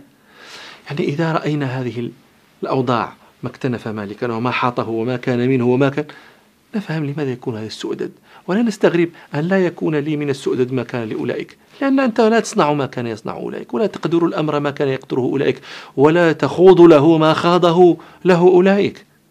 فكيف تريد أن, أن تكون مثلهم؟ لذلك قالوا يعني تريد أن تكون مثلهم أسلك. أسلك طريقهم واتبع رفيقهم وتكن فريقهم في حضرة القدس. أما أنت بعيد كل هذا من فشيء عجيب رحمة الله على مالك ورحمة الله على هارون. وهنا أشير إلى قصة تقال ويشهر. يقول له أنه لما هارون دعاه قال العلم يؤتى ولا يأتي. هذا هذا هارون هذا هذا خليفة. والخلفاء لا لا يقابلون بمثل هذا الجفاء ولا سيما إذا كنت تحرص على ثمرة وهي تعظيم حديث الرسول صلى الله عليه وسلم وتعظيم جنابه. ولذلك ما هذه الرواية ذكرت لكم هي أليق بفطنة مالك وما يخاطب به أمير المؤمنين وإلى مجلس آخر إن شاء الله والحمد لله رب العالمين. بسم الله الرحمن الرحيم. الحمد لله رب العالمين. والصلاة والسلام على أشرف الأنبياء والمرسلين سيدنا محمد وعلى آله وأصحابه أجمعين. مما اشتهر به مالك رحمه الله ودرج عليه المالكية من أتباعه آه الاحتجاج بعمل أهل المدينة. ومالك رحمه الله كان يحتج بعمل أهل المدينة لأن المدينة آه منزل الصحابة ومسكنهم وفيها مكثوا وبها دفنوا والذين خرجوا من الصحابة واستوطنوا الأمصار إنما هم إذا نسبوا إلى من كان بالمدينة فهم قطرة من بحر وغيض من فيض. فرأى مالك أن العمل المتوارث في المدينة من قبيل الحديث المتواتر لأنه مما يأثره جمع عن جمع يستحيل تواطؤهم عن الكذب. فإذا عارض حديث الآحاد قدمه عليه. آه، وهذا يعني منه نوع آه، رجع الناس إلى قوله فيه كما وقع له آه، لمالك. عن محمد بن الحسن في مسألة الزكاة. فبعث مالك رجلا من الجلساء وقال أتني بالصاع الذي في بيتكم وهذا صاع صاع أبناء الصحابة وأحفاد وأحفادهم ورثوه عن آبائهم. فرجع محمد بن الحسن إلى قول مالك من غير مناقشة ولا جدال. لما شاع عن مالك رحمه الله هذا النظر عارضه فيه بعض علماء وقته وبعض أصحابه. ومن أشهر هؤلاء الليث بن سعد الفهمي المصري فقيه مصر وأنبل من أخرجت في ذلك الزمن. فكتب إليه الرسالة المشهورة يناقشه فيها ويذكر له هذا الذي لا يجهله مالك من أن الصحابة انتقلوا ومنهم من ذهب إلى مصر ومنهم من ذهب إلى الشام ومنهم من استطاع العراق. ورد عليه مالك في رسالة أخرى. يبين له أنه لا يذهب إلى هذا الذي يراه وأنه على رأيه وأنا أرى أن وأحسب أن هذه مسألة لا ينبغي أن يكون فيها الخلاف. ما يأثرونه من العمل المتوارث؟ هذه مسألة لا ينبغي أن يكون فيها خلاف لأنها حق من قبيل عمل من قبيل الحديث المتواتر. أما ما كان يستند إلى اجتهاد فهذا فيه الخلاف بين المالكية أنفسهم فضلا عن كونه بينهم وبين غيرهم. فكاتب هذا ذاك وكاتب ذاك هذا ولم يقتنع لم لم يرجع آه، الليث إلى قول مالك ولا فاء مالك إلى قول الليث. وبقي هذا على مذهبه وهذا على مذهبه. لكن أتدرون ما الذي وقع؟ الأخوة المستحكمة لم يصبها أدنى اختلال ولا تغير ولا خدش ولا أف هل تعلمون أن الليث كان في كل سنة الليث كان آه، ذا مال وذا سعة وذا غنى ومالك كان يعني آه، ما يعني ما الذي عنده يكفيه وربما يحتاج. كان الليث يبعث في كل عام إلى مالك بمال بعد أن يبيع آه، ثمرات بساتينه و يعني حتى لا يبقى في النفس شيء. بعد أن أنت ناقشته كذا وترى أن الذي تقوله تقوله له هو الصواب وكذا وهو يخالفك وتبعث إليه بما تعينه به مالك يزوج ابنته وليس له ما يجهزها به. يريد طيبا فيكتب إلى الليث بن سعد. لا ما يقول هذا الليث بن سعد يخالفني وكذا. وأنا أكتب لفلان وفلان وفلان وهذا. لا يكتب الليث بن سعد. أخوة حاضرة متينة مستحكمة. والخلاف تحتمله الفهوم. فيكتب إليه أن سأزوج فلانة ابنتي. هو ما عندي ما كذا أحب طيبا. طيب كذا. فيرسل له حمل بعير من الطيب. فيجهز مالك به ابنته ويبيعه ويفضل له منه مال كثير. لماذا لا يسعنا اليوم؟ ما وسع الناس يومئذ؟ أنحن أحرص على سنة رسول الله صلى الله عليه وسلم من مالك بن أنس والليث بن سعد من أحمد وابن حنبل ومحمد بن إدريس. إحنا يعني هذا في مثل هذا يقال ملكي أكثر من الملك نفسه. يتصور هذا. لكنها الأهواء لكنها الأخلاق الذميمة.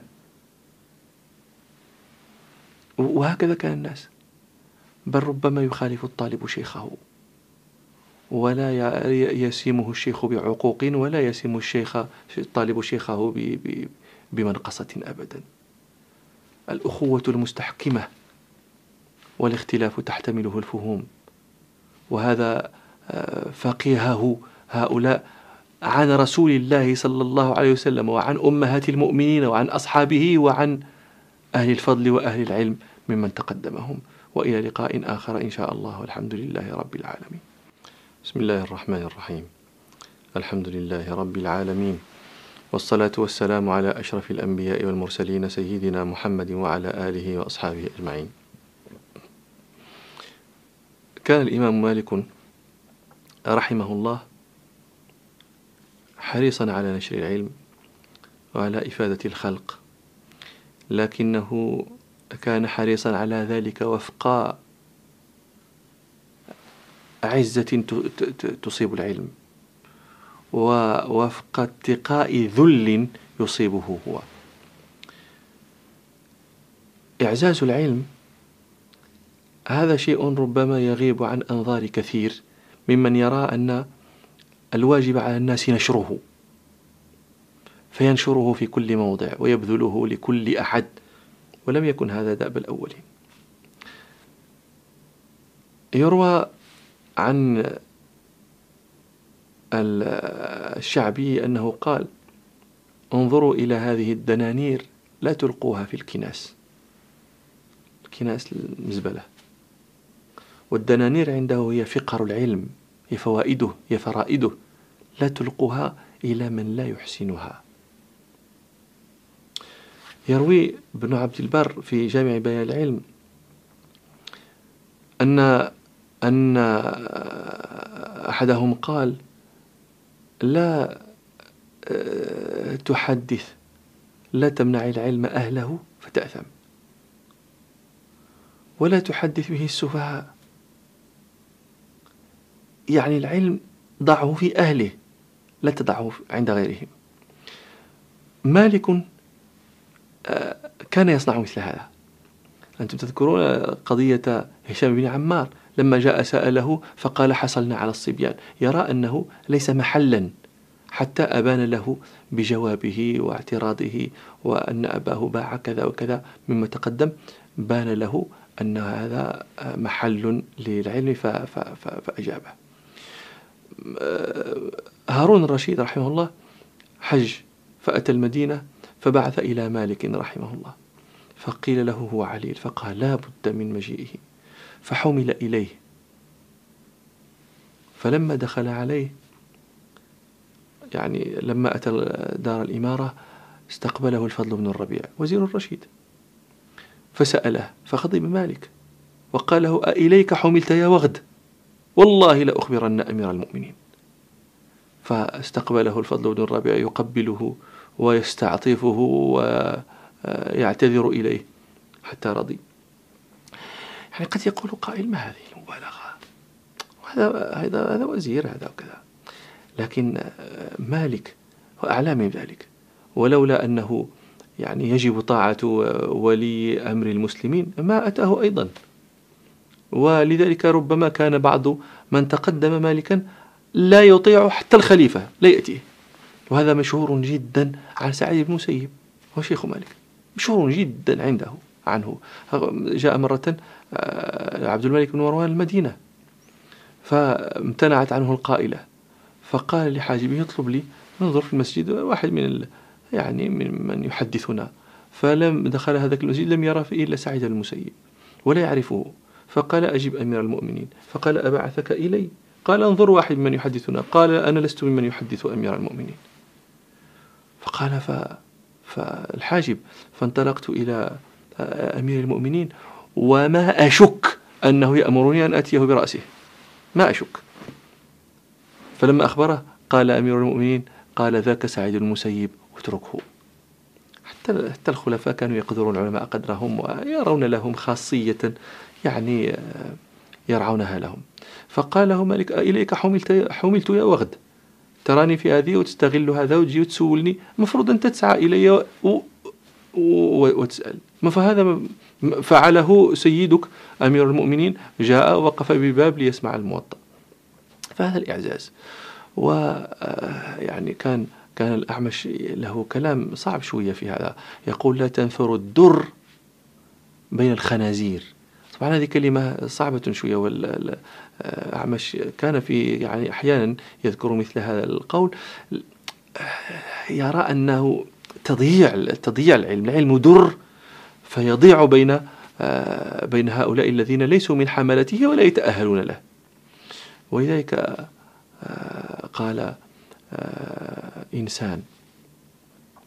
يعني من أجمل ما قيل في هذا قال القاضي الجرجاني رحمه الله يقولون لي فيك انقباض وإنما رأوا رجلا عن موطن الذل أحجم ولم أقض حق العلم إن كان كلما بدا طمع صيرته لي سلما ولم أبتذل في خدمة العلم مهجتي لأخدم من لاقيت لكن لأخدم.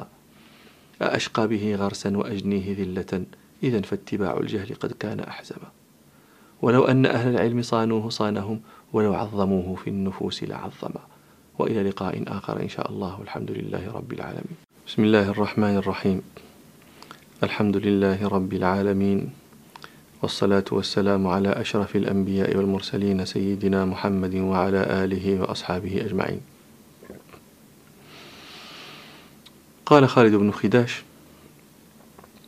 كان مالك يلبس الثياب المروية الجياد وكان يلبس الطيلسان.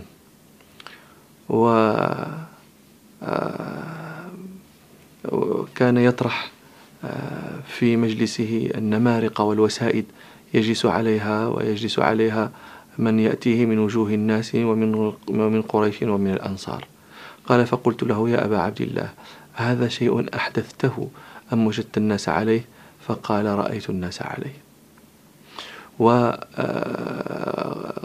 من دخل عليه رأيت مالكا وعليه طيلسان بخمسمائة دينار. وهذا ثمن غال جدا جدا جدا ينفق في ثياب. جد 500 دينار غالي جدا. طيلسان ثياب.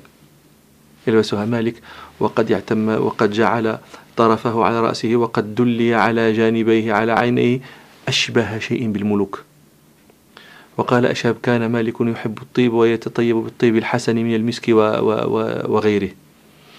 وكان يقول مالك رحمه الله كان يقول لا أحب أن لإنسان أنعم الله عليه أن لا يرى أثار نعمته عليه. وكان آه، كان يلبس اللباس العدنية واللباس الخراسانية ويلبس يعني مشهور جدا مجلسه كان مجلسا فاخرا. مجلسا راقيا يرى عليه النعمة العظيمة. ثم يقول هذا شيء رأيت الناس عليه.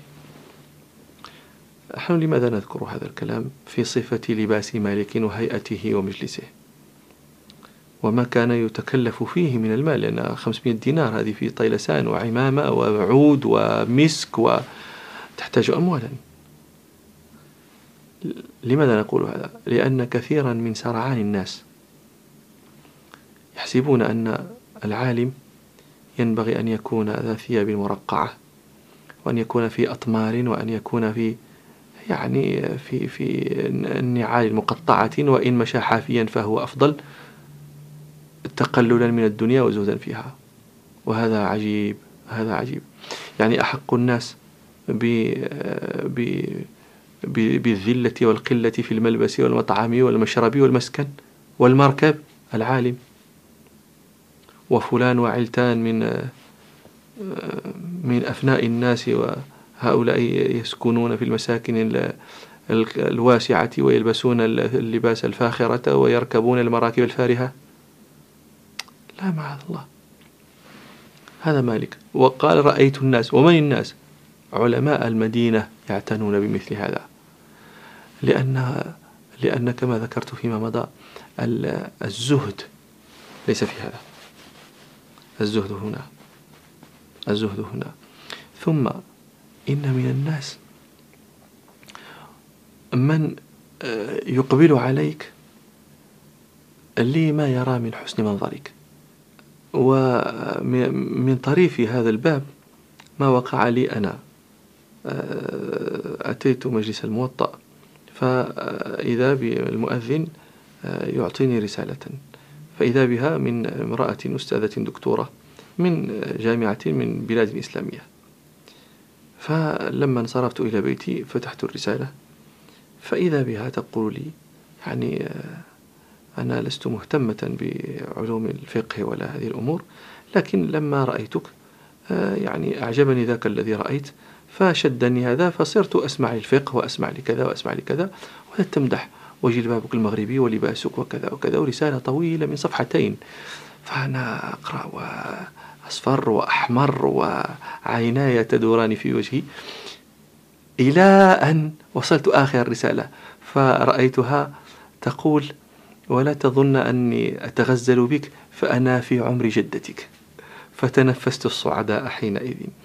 الشاهد هو أنه ما جذبها إلى استماع الفقه, الفقه إلا ما رأت هي في من حسن منظر آه، هذا الملقي.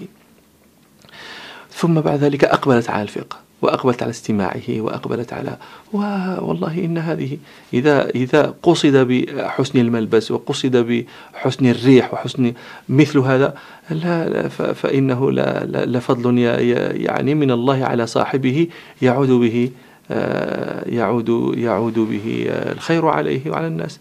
وإلى لقاء آخر إن شاء الله. الحمد لله رب العالمين. بسم الله الرحمن الرحيم. الحمد لله رب العالمين. والصلاة والسلام على أشرف الأنبياء والمرسلين سيدنا محمد وعلى آله وأصحابه أجمعين.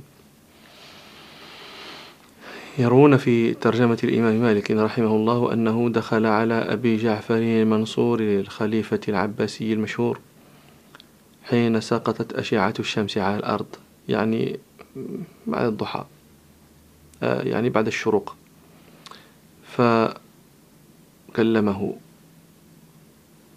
كلاما طويلا. ثم قال له أنت أعلم الناس وفي رواية أنت أعلم أهل الأرض. فقال مالك رحمه الله لا والله يا أمير المؤمنين. فقال أبو جعفر المنصور بلى ولكنك تكتم ذلك ولئن بقيت لأكتبن كتبك بماء الذهب ولا أبعثنها إلى الأمصار ولا أحملن الناس عليها. فقال مالك رحمه الله يا أمير المؤمنين لا تفعل. فإن أصحاب رسول الله صلى الله عليه وسلم تفرقوا في الأمصار وأخذ الناس في كل مصر بما سبق له من العلم. وإن رد الناس عما اعتادوه لشديد. فدع الناس وما اختار كل أهل وما اختار أهل كل مصر لأنفسهم. فقال أبو جعفر لمالك والله لو طاوعتني على ذلك لفعلت. هذه القصة تفيدنا شيئا مهما جدا. غفل الناس عنه وغفل طلبة العلم عنه وطلبوا ما لا يكون. هو الواقعية. مالك رجل واقعي عالم واقعي يعلم أن حمل الناس جميعا على قول واحد في سائر مسائل العلم شيء لا يكون شيء لا يكون وهذا من طلب ما لا يكون والطالب لما لا يكون ليس مسلوكا في سبيل في جملة العقلاء. وقالت المتنبي رحمه الله ومكلف الأيام ضد طباعها متكلف في الماء متطلب في الماء جذوة ناري. وهذا الذي يروم هذا إنما يكلف الناس يكلف الأيام ضد طباعها. يقول لو زال هذا الخلاف في الأقوال لا اجتمعت الأمة. ألم تكن الأمة مجتمعة في عهد أصحاب رسول الله صلى الله عليه وسلم؟ ألم تكن مجتمعة في عهد الخلفاء؟ وألم يكن فيها الأقوال الكثيرة في المسائل. كان العلماء يختلفون وكانت الأمة مجتمعة. ليس الخلاف في الفقه ليس الخلاف في العلم هو الذي يفرق. إنما هو سوء التعامل مع هذا الخلاف هو الذي يفرق. الآن أنا ذكرت مرة أن مالكا والليث اختلفا وتناقشا وتناظرا والأخوة بينهما مستحكمة. مالك يخالف شيخه سعيد المسيب يخالف الزهري سعيد المسيب يخالف شيخه محمد بن المنكدر. والأخوة مستحكمة وكل يذكر كلا بخير. ومن لم يسعه ما وسع الناس فلا وسع الله عليه. النبي صلى الله عليه وسلم في قصة بني قريظة وهي معروفة مشهورة لا يصلين أحدكم العصر إلا في بني قريظة. هل النبي صلى الله عليه وسلم أراد الأمرين معا؟ فلماذا لم ينكر على إحدى الطائفتين؟ لماذا لم يصوب الطائفة التي وقعت على ما أراده صلى الله عليه وسلم وبين للأخرى أنك مخطئة لكنك معذورة؟ لماذا لم يفعل؟ تأسيس لنا هذا لنا.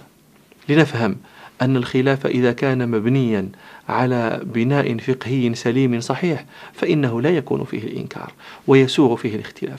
عائشة رضي الله عنها وأمهات, أصح... وأمهات المؤمنين يختلفن في مسألة رضاع الكبير.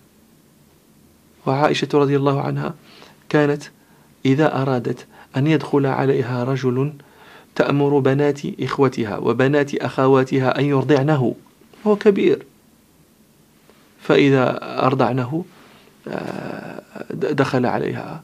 وناقشتها ونظرتها أم سلمة فاحتجت عليها عائشة بالعموم رضي الله عنها. قالت لها أما لك في رسول الله أسوة؟ تقصد قصة سهلة بنت سهيل زوجة أبي حذيفة عندما كان يدخل يعني في قضية آه، سالم مولى أبي حذيفة. معروفة. فتناظرها تستدل عليها أمنا عائشة رضي الله عنها بالعموم تقول أما لك في رسول الله أسوة فتراه حديثا عاما وأم سلمة تقول رضي الله عنها فأبى وأبى ذلك سائر أزواج النبي صلى الله عليه وسلم وقلنا والله ما هو بداخل علينا أحد بتلك الرضاعة ولا برائنا. ثم ماذا كان؟ كما كانوا على عهد رسول الله صلى الله عليه وسلم كما بقوا إلى أن أخذهم الله وتوفاهم. هذه الواقعية. حمل الناس على مذهب واحد. في كل شيء. هذا شيء لا يكون أبدا. وليس هذا الذي يسبب الفرقة. إنما الذي يسبب الفرقة هو إعجاب كل ذي رأي برأيه. هو سوء الأدب في الخلاف. أما إذا كان إذا كان الإنسان يعلم أن ما يصل إليه من قول إنما هو اجتهاد يخطئ ويصيب وأن صاحبه الذي يخالفه أيضا يخطئ ويصيب فيحتمل الخطأ في نفسه كما احتمله في صاحبه ويحتمل الاجتهاد الصواب عند صاحبه كما احتمله في نفسه فهذا لا يحدث تفرقا. وهذا الذي من أجله قال مالك لأبي جعفر لا تفعل يا أمير المؤمنين وإلى مجلس آخر إن شاء الله. والحمد لله رب العالمين. بسم الله الرحمن الرحيم. الحمد لله رب العالمين والصلاة والسلام على أشرف الأنبياء والمرسلين سيدنا محمد وعلى آله وأصحابه أجمعين. مذهب مالك رحمه الله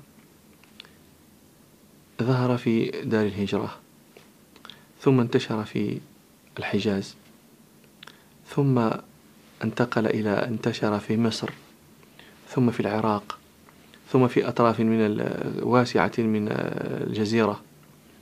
ثم وصل إلى إفريقيا تونس اليوم. ثم وصل إلى المغرب ثم تعداه إلى الأندلس. ثم نزل إلى آه، جنوب المغرب الآن يعني هذه البلدان التي إلى التي زالت إلى ما زالت إلى الآن كلها مالكية. يعني يمكنكم أن تقولوا إن أكثر إفريقيا آه، من المسلمين آه، كلهم مالكية. و تكلم الناس في الأسباب التي انتشر بها مذهب مالك. فذكروا أسبابا كثيرة. ساعة الأصول وكثرتها وبناؤه على الآثار والحديث وكثرة المجتهدين من العلماء فيه وتشدده واعتناؤه بالسنة وكثرة يعني أسباب كثيرة. لكن عندي سببان قل من يذكرهما. السبب الأول هو يحيى بن يحيى الليثي.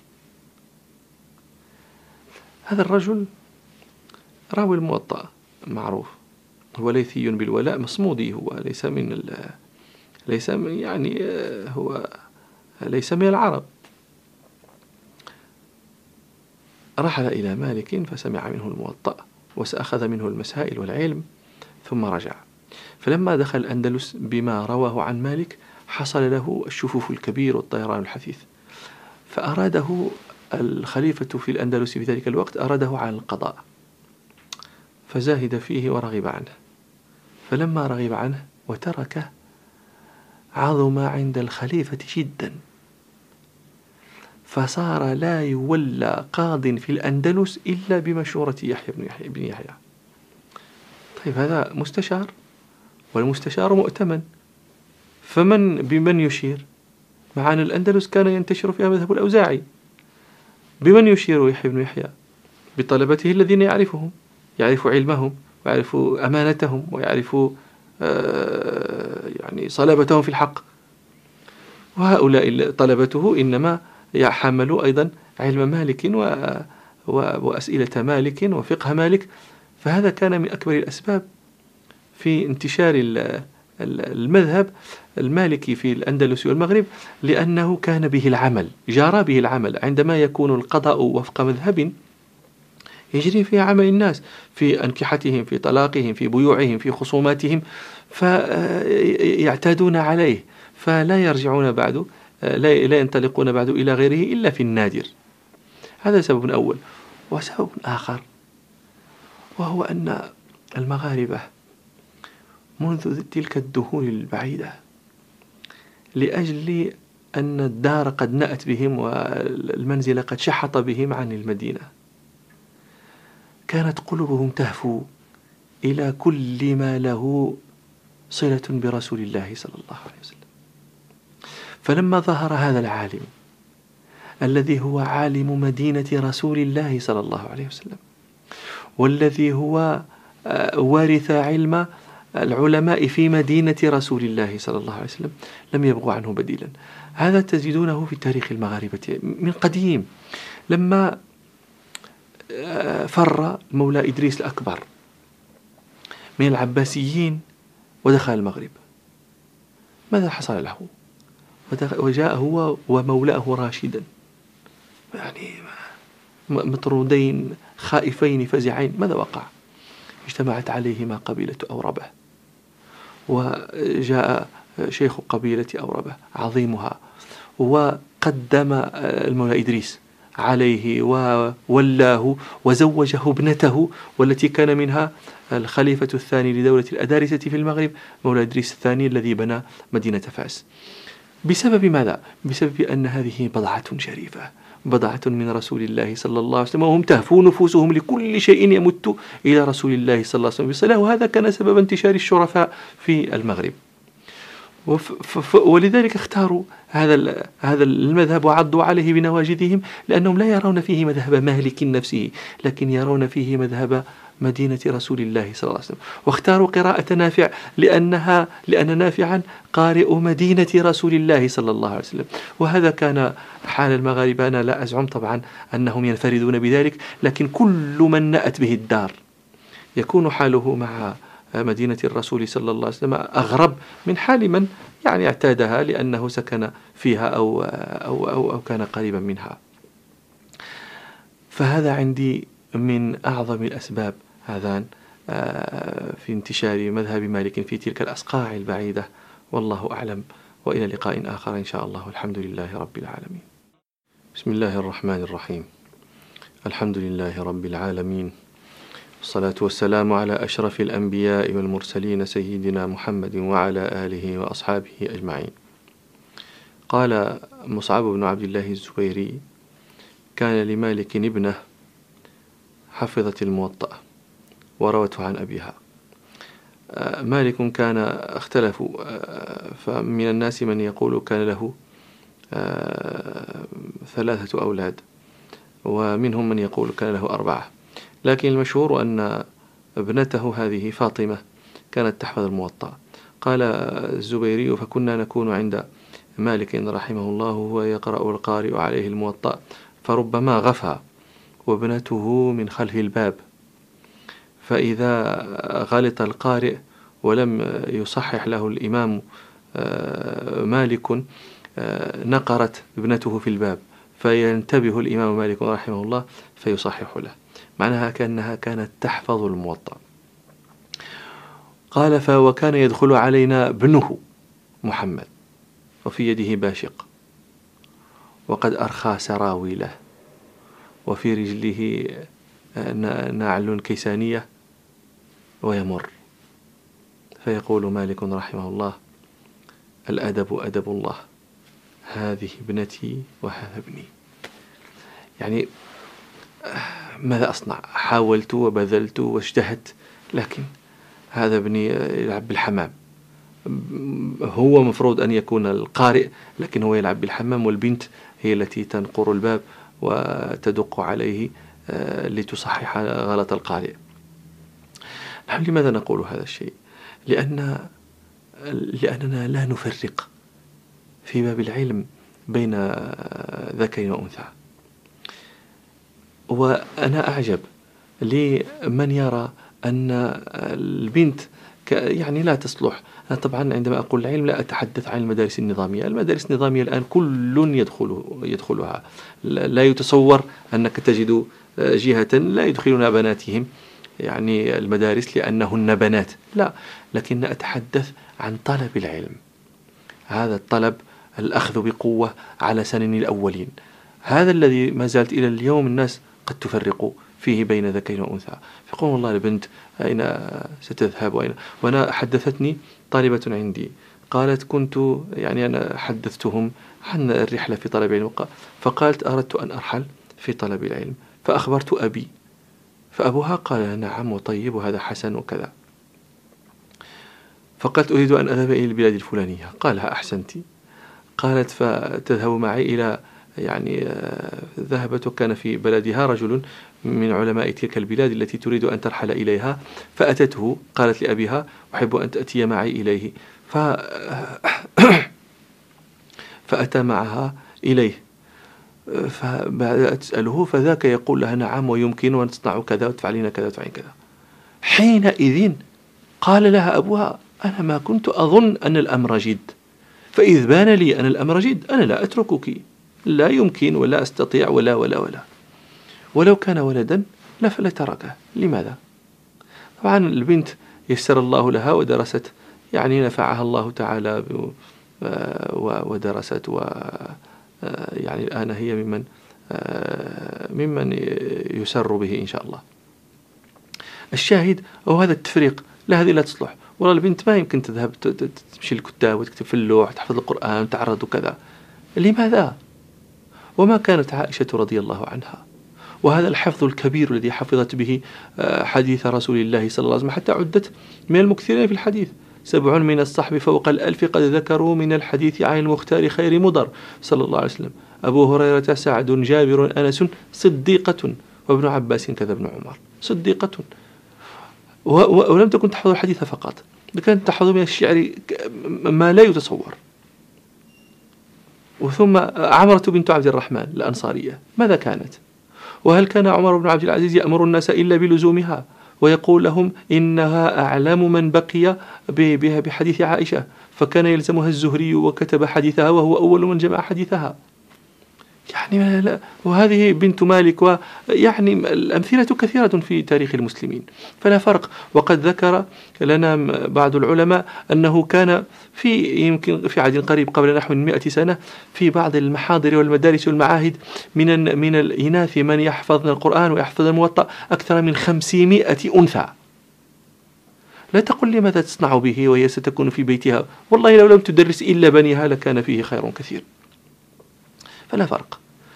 هذه القضية الأولى. القضية الثانية عندما يقول مالك رحمه الله الأدب أدب الله لا يحمل هذا الآباء على أن يقول والله هذا الأدب أدب الله فلماذا التكلف ولماذا الاجتهاد ولماذا التعب ولماذا كذا؟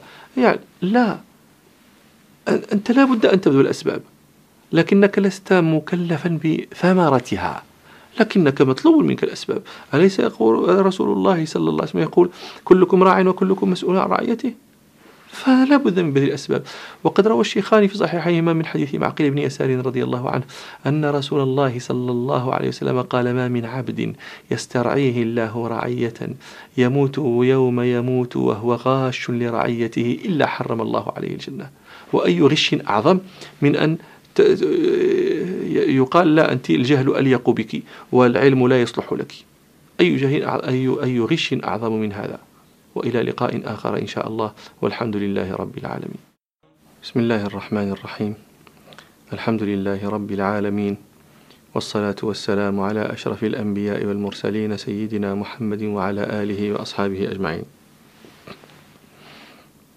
قد تحدثنا فيما مضى عن هيبة مالك. وقلنا إنه كان مهيب الجانب. آه، يهابه الطلبة والأمراء والمحتسبون والصغار والكبار. لكن ربما مع ذلك كان يجيئه أحيانا من يبعثه على الضحك ومن يعني لا لا يتصور أنه يقابل مالكا بمثل هذا الذي قابلوه به. ومع ذلك كان يضحك. و يعني يكون منه ما يكون من الناس. ولا يذهب ذلك هيبة ولا يفقد عزة بل يكسب قربا من الناس ويكسب آه، حسن أحدوثه. من ذلك ما يذكرون في ترجمة مالك رحمه الله أنه جاءه مرة آه، رجل فقال له يا أبا عبد الله قد قلت شعرا فاسمعه مني. فكره مالك أن يسمعه خشي أن يكون هجاء. فقال لا فقال هذاك وأسمع مالكا رغما عنه.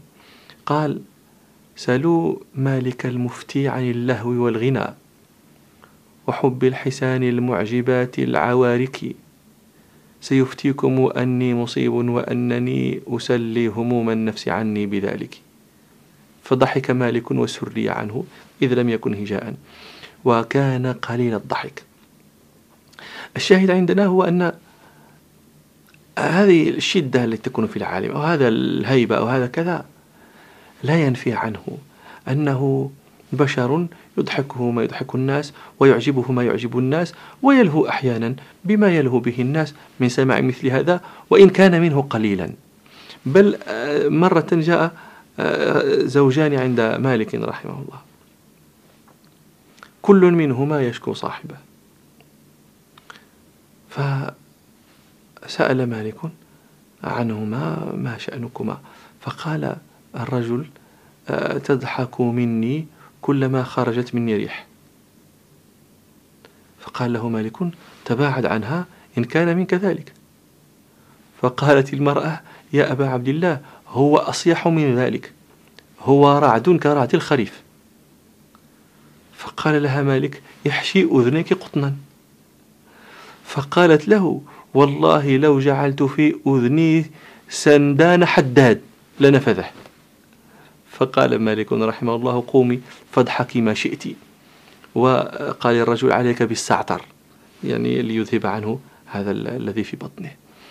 هذا الشاهد. ونحن أدركنا من العلماء أيضا من كان قريب النادرة حلو الفكاهة طيب الجانب.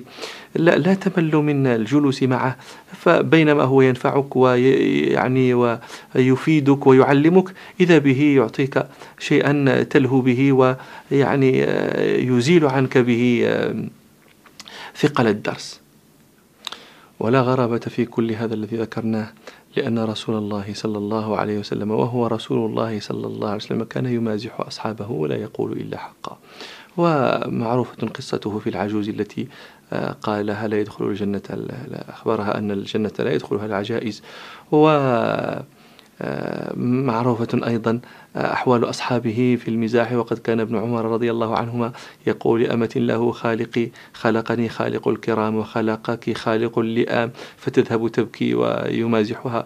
وهذا كان كثيرا منهم ولا يذهب بهيبتهم ولا يذهب ويجعلهم قريبين من من من من الناس محببين إليهم أكنافهم موطأة وجانبهم لين. وإلى لقاء آخر إن شاء الله والحمد لله رب العالمين. بسم الله الرحمن الرحيم. الحمد لله رب العالمين والصلاة والسلام على أشرف الأنبياء والمرسلين سيدنا محمد وعلى آله وأصحابه أجمعين. الرجل إذا حسنت خبيئته وصفت سريرته ألقى الله في على لسانه كلاما يسير مسر الأمثال ويكون حكما يأثرها الناس عنه بعده إلى يوم القيامة. لا ينقضي عنه خيرها ويبلغه أجرها وهو في ظلمات قبره. من ذلك أن من ذلك عن مالك وصايا شاعت عنه وفشت ورواها الناس. ومنها وصايا يعني كاد كادت تتناقل بلفظها. آه، وقع الحافر فيها على الحافر بينه وبين كثير ممن تقدمه وممن تأخر عنه. ومن ذلك قوله اطلبوا العلم قبل العمل. وهذا هذا يعني باب عند البخاري في الصحيح وهذا يدل عليه كلام ربنا فاعلم أنه لا إله إلا الله واستغفر لذنبك. قال البخاري في كتاب علم باب العلم قبل القول والعمل. ولكن البخاري طبعا متأخر عن عن مالك رحمه الله. فهذه وصية كانت دائرة في أوساط العلم. وهذه وصية نطق بها كتاب ربنا ونطقت بها سنة رسول الله صلى الله عليه وسلم إما نطقا صريحا وإما نطقا بإيماء. وكلكم آه، إن شاء الله يحفظ يعني آه، يعرف حديث رسول الله صلى الله عليه وسلم عن ذلك الذي قتل تسعة وتسعين نفسا وأراد أن يتوب فسأل عن أعلم أهل الأرض فدل على عابد فأخبره أنه قتل تسعة وتسعين نفسا فهل له من توبة؟ فقال له لا أرى لك توبة فقتله وكمل به المئة. ثم أراد أن يتوب فسأل عن أعلام أهل الأرض فدل على عالم فأخبره أن باب التوبة باب لا يغلق حتى تقوم الساعة. هذا فضل العلم قبل القول. ذاك قال قبل أن يعلم فقتله وذاك قال ذاك علم قبل أن يقول فكان فيه في قوله ذاك منجاة له هو من القتل ومنجاة لذاك من جهنم. آه وكان مالك رحمه الله يأمر آه الناس يأمر الطلبة أن يتعلموا من العالم كل شيء أن يتعلموا منه السمت. لا يتعلموا منه العلم فقط. وكان يقول تعلموا من العالم كل شيء حتى لبسا عليه. خذوها عنه. يعني لو استطعتم أن لا تفعلوا شيئا إلا باقتداء واستنان ففعلوا. لبس النعل ترى شيخك كيف يلبسها ويقدم يمينه ويجلس عند لبسها وأين يضعها و... يعني لبس النعل حتى يكون فيها درس لبس النعل نعم. لأن من نظر في لبس نعل شيخه كيف يلبسها فما غيرها وسواها من شؤونه هو لها أتباع وبها أشد اجتهادا. وكان ينصح قال رحمه الله مرة لبعض بني آه، إخوته إذا تعلمت علما من طاعة الله فليرى عليك أثره وليرى عليك سمته. وحق على من طلب هذا العلم أن أن يكون فيه حلم وسكينة ووقار واتباع لآثار من مضى. وهذا من أجمل ما يوصى به طلبة العلم. أن يكون فيهم يعني من طلب هذا العلم الذي فيه طاعة لله أن ترى فيه أن يرى فيه حلم وأن يرى فيه سكينة وأن يرى فيه وقار. هذا أن لا يكون طالب العلم فيه النزق والطيش والخفة وعدم الرزانة. هذا مما يقبح به ولهذا كان يوصي مالك بما سمعتم. ووصاياه في العلم كثيرة رحمه الله ومن أجلها أيضا قوله ليس العلم بكثرة الرواية. وما العلم؟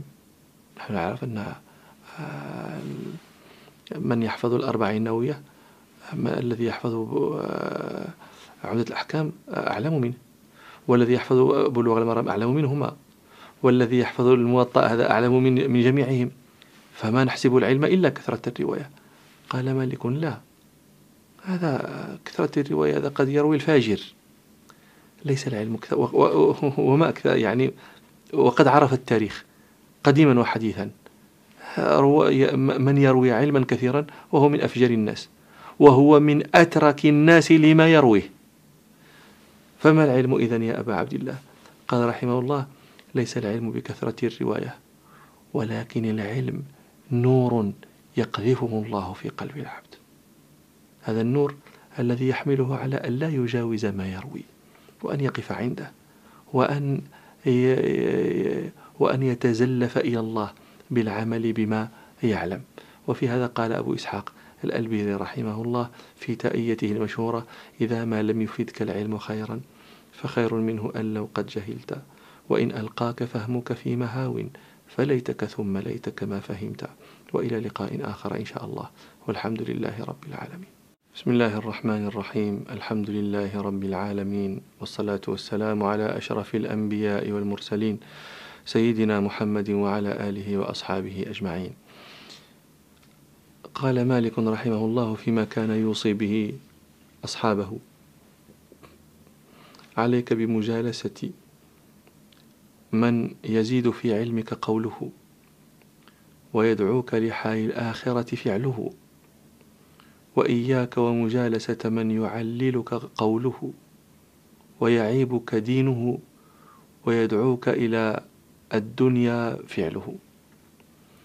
وهذه من أجمل شيء يوصي به من حب من طب. وهذا كما قال ابن عطاء السكندري في حكمه لا تصحب من لا ينهضك حاله ولا يدلك على الله مقاله. هذا هو.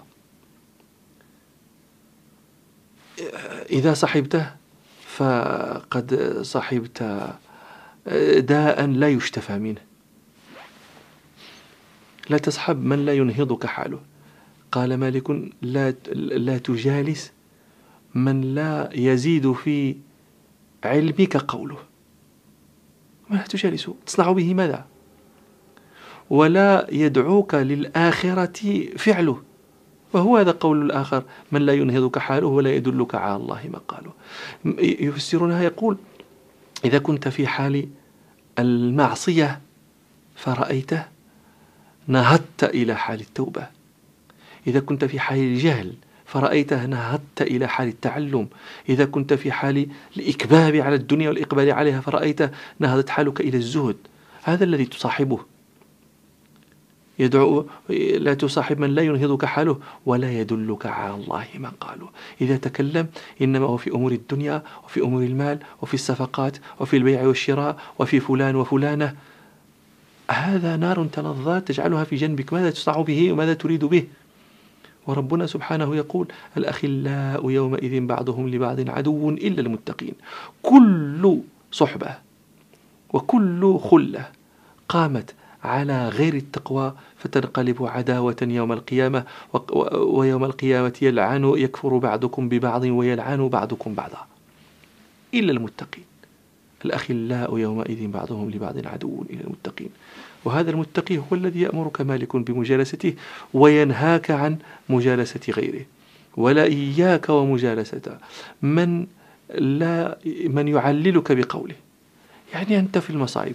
وفي الذنوب في الأثم والله إن شاء الله دابا تتوب وإن شاء الله كذا والله غفور رحيم. وانظر فلان يريك المجرمين الكبار وشوف كذا وانت ماذا صنعت؟ يعللك بقوله بقوله. و و ويعيبك دينه. إذا رآه الناس معك قالوا ما انظروا فلان يصاحب فلان وفلان معروف بكذا ومعروف بكذا. يعيبك دينه. ويدعوك إلى الدنيا فعله. هو يشتري البساتين والأراضين والعقار وكذا واللباس وهذه وهذه وهذه. وأنت تريد أن يكون لك أكثر من ذلك.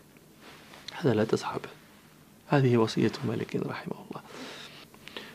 ومثل هذا أيضا قوله رحمه الله لا خير في شيء من الدنيا وإن كثر بذهاب دين المرء ومروءته.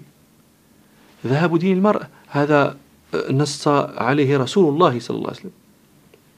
لما قال صلى الله عليه وسلم في الحديث المشهور محذرا يبيع دينه بعارض من الدنيا. يمسي الرجل مؤمنا ويصبح كافرا ويصبح مؤمنا ويمسي كافرا يبيع دينه بعارض من الدنيا. هذا هذا النبي صلى الله عليه وسلم صرح بالنهي عنه والتحذير منه. لكن قال مالك لا خير في الدنيا وإن كثرت في شيء منها وإن كثر حتى بنقص يلحق المروءة. حتى بنقص يلحق المروءة. يقال والله فلان كذا وترك ذلك كان خيرا منه لا خير في هذا. فهذه وصية نصيح.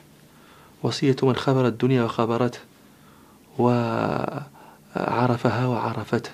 وقد قال الأول ومن جرب مثل تجربتي عرف مثل معرفتي وإلى لقاء آخر إن شاء الله. والحمد لله رب العالمين. بسم الله الرحمن الرحيم. الحمد لله رب العالمين والصلاة والسلام على أشرف الأنبياء والمرسلين سيدنا محمد وعلى آله وأصحابه أجمعين. ثم مات مالك رحمه الله. مات في صبيحة يوم الأحد لأربع عشرة ليلة خلت من شهر ربيع سنة تسعين وسبعين ومئة على الصحيح في خلافة هارون الرشيد. ومات يوم مات وهو ابن أربعين وثمانين سنة وقيل ابن خمس وثمانين وقيل ابن تسعين سنة ودفن بالبقيع. واشتد أسف الناس على موت مالك جدا حتى قال سفيان بن عيينة رحمه الله ما أرى المدينة إلا ستخرب بعد موت مالك. والله سبحانه ألطف بمدينة رسوله صلى الله عليه وسلم من أن تخرب بعد موت أحد ولكن لعظم الرزية يقول سفيان رحمه الله هذا الذي قاله. وقد أثنى الناس على مالك ثناء عظيما. كان الشافعي رحمه الله يقول إذا ذكر العلماء فمالك النجم وكان يحيى بن معين يقول مالك من حجج الله على خلقه وكان أبو قلابة يقول مالك أحفظ أهل زمانه وجاء رجل إلى أحمد بن حنبل فقال له سأله قال الرجل يريد أن يحفظ الحديث فحديث من يحفظ؟ قال أحمد حديث مالك بن أنس. قال فيريد أن ينظر بالرأي فبرأي من يأخذ؟ قال برأي مالك بن أنس. وكانوا يقولون لولا مالك لذهب العلم من الحجاز. وكان سفيان بن عيينة يقول ماذا ما نحن عند مالك؟ إنما نتتبع آثار مالك فإذا رأينا مالكا كتب عن الشيخ وإلا تركناه. وسئل سفيان بن عيينة وسفيان بن عيينة إمام من أئمة المسلمين فخم عظيم. مرة يسأل عن قول رسول الله صلى الله عليه وسلم ومن استجمر فليوتر. فسكت فقيل له أتقول بقول مالك فيه؟ قال ومالك رحمه الله يروى عنه تفسيران في هذا الحديث. من استجمر الاستجمار من الاستطابة المعروفة فليستجمر بثلاث. يعني التفصيل عندهم في الفقه ليس هذا موضعه ومن استجمر أي من تبخر استعمل الجمار في البخور في العطر فيستحب أيضا أن يتبخر ثلاثا. فقيل لسفيان بن عيينة أتقول بهذا فيه بقول مالك؟ فقال رحمه الله وابن اللبون إذا ما لز في قرن لم يستطع صولة البزل القناعس يعني شبه نفسه بأنه ابن لبون ذاك الجمل الصغير. ومالك هو ذلك الجمل الضخم البازل القنعاس. وإذا ربط مع البكر الصغير مع الجمل الضخم الكبير فلعب بحبل واحد فتحركها الجمل الكبير. آه، ماذا يستطيع ذاك الصغير؟ ويعني هذا تواضع منه عظيم وثناء منه على مالك رحمه الله. ومما يجلي مكانة مالك رحمه الله عند العلماء في زمانه ما ذكره أسد بن الفرات وكان قد أخذ شيئا عن مالك ولكن لما رأى أن مجلس مالك ليس مجلس مسائل وهو مجلس حديث والمسألة تأتي فيه بعد المسألة وهذا أمر يطول وهو يريد أن يرجع إلى بلده تركها ترك مالك وذهب إلى العراق. فجلس عند آه، محمد بن الحسن ويعني وكثر عليه من المسائل وكذا فكان هناك إلى أن مات مالك رحمه الله. قال أسد فلما مات مالك ارتجت العراق والعراق هذه مدرسة الرأي. ومدرسة الرأي ما زالت منذ كانت في خلاف مع مدرسة الحديث في كثير جدا من الفروع الفقهية. قال ارتجت العراق لموت مالك فما حلقة من حلق العلم إلا وأهلها قد نكسوا رؤوسهم ويقولون مات مالك مات مالك إنا لله وإنا إليه راجعون. فقلت فلما رأيت ذلك الجزع منهم قلت لهم ما يعني ما شأنكم تأسفون هذا الأسف وإنما كنتم تخالفونه ويخالفكم. قالوا اسكت مالك هذا كذا وأثنوا عليه ثناء عظيما. فأسف حينئذ أسد أسفا عظيما أن ترك مالكا وقصد العراق. هذه حسن الأحدوثة التي يبقيها الله تعالى لمن صدقوه. وتريد أن تعلم يعني تريد أن تستدل بأمارة على ما يكون للعبد عند ربه فانظر ثناء الناس عليه بعده. هذا قال يقول ابن دريد رحمه الله وإنما المرء حديث بعده فكن حديثا حسنا لمن وعى. وما أسهلها على من سهلها الله عليه. ماذا كان يصنع؟ أنا ذكرت لكم في هذه السلسلة أنه كان مهيبا وربما ضرب وربما قال جر برجله وكلما كذا. وهؤلاء الذين كانوا يناقشونه ويخالفونه هم من أعظم الناس جزاعا لموته ومن أعظم الناس أسفا لفقده. وهكذا حال كل من صدق مع ربه وعمل لربه لا للناس فإن ربه يبقي له آه، حديث صدق في الآخرين. ولذلك فقد أحسن من قال يعمل لوجه واحد يكفيك كل الأوجه. والله أعلم. والحمد لله رب العالمين.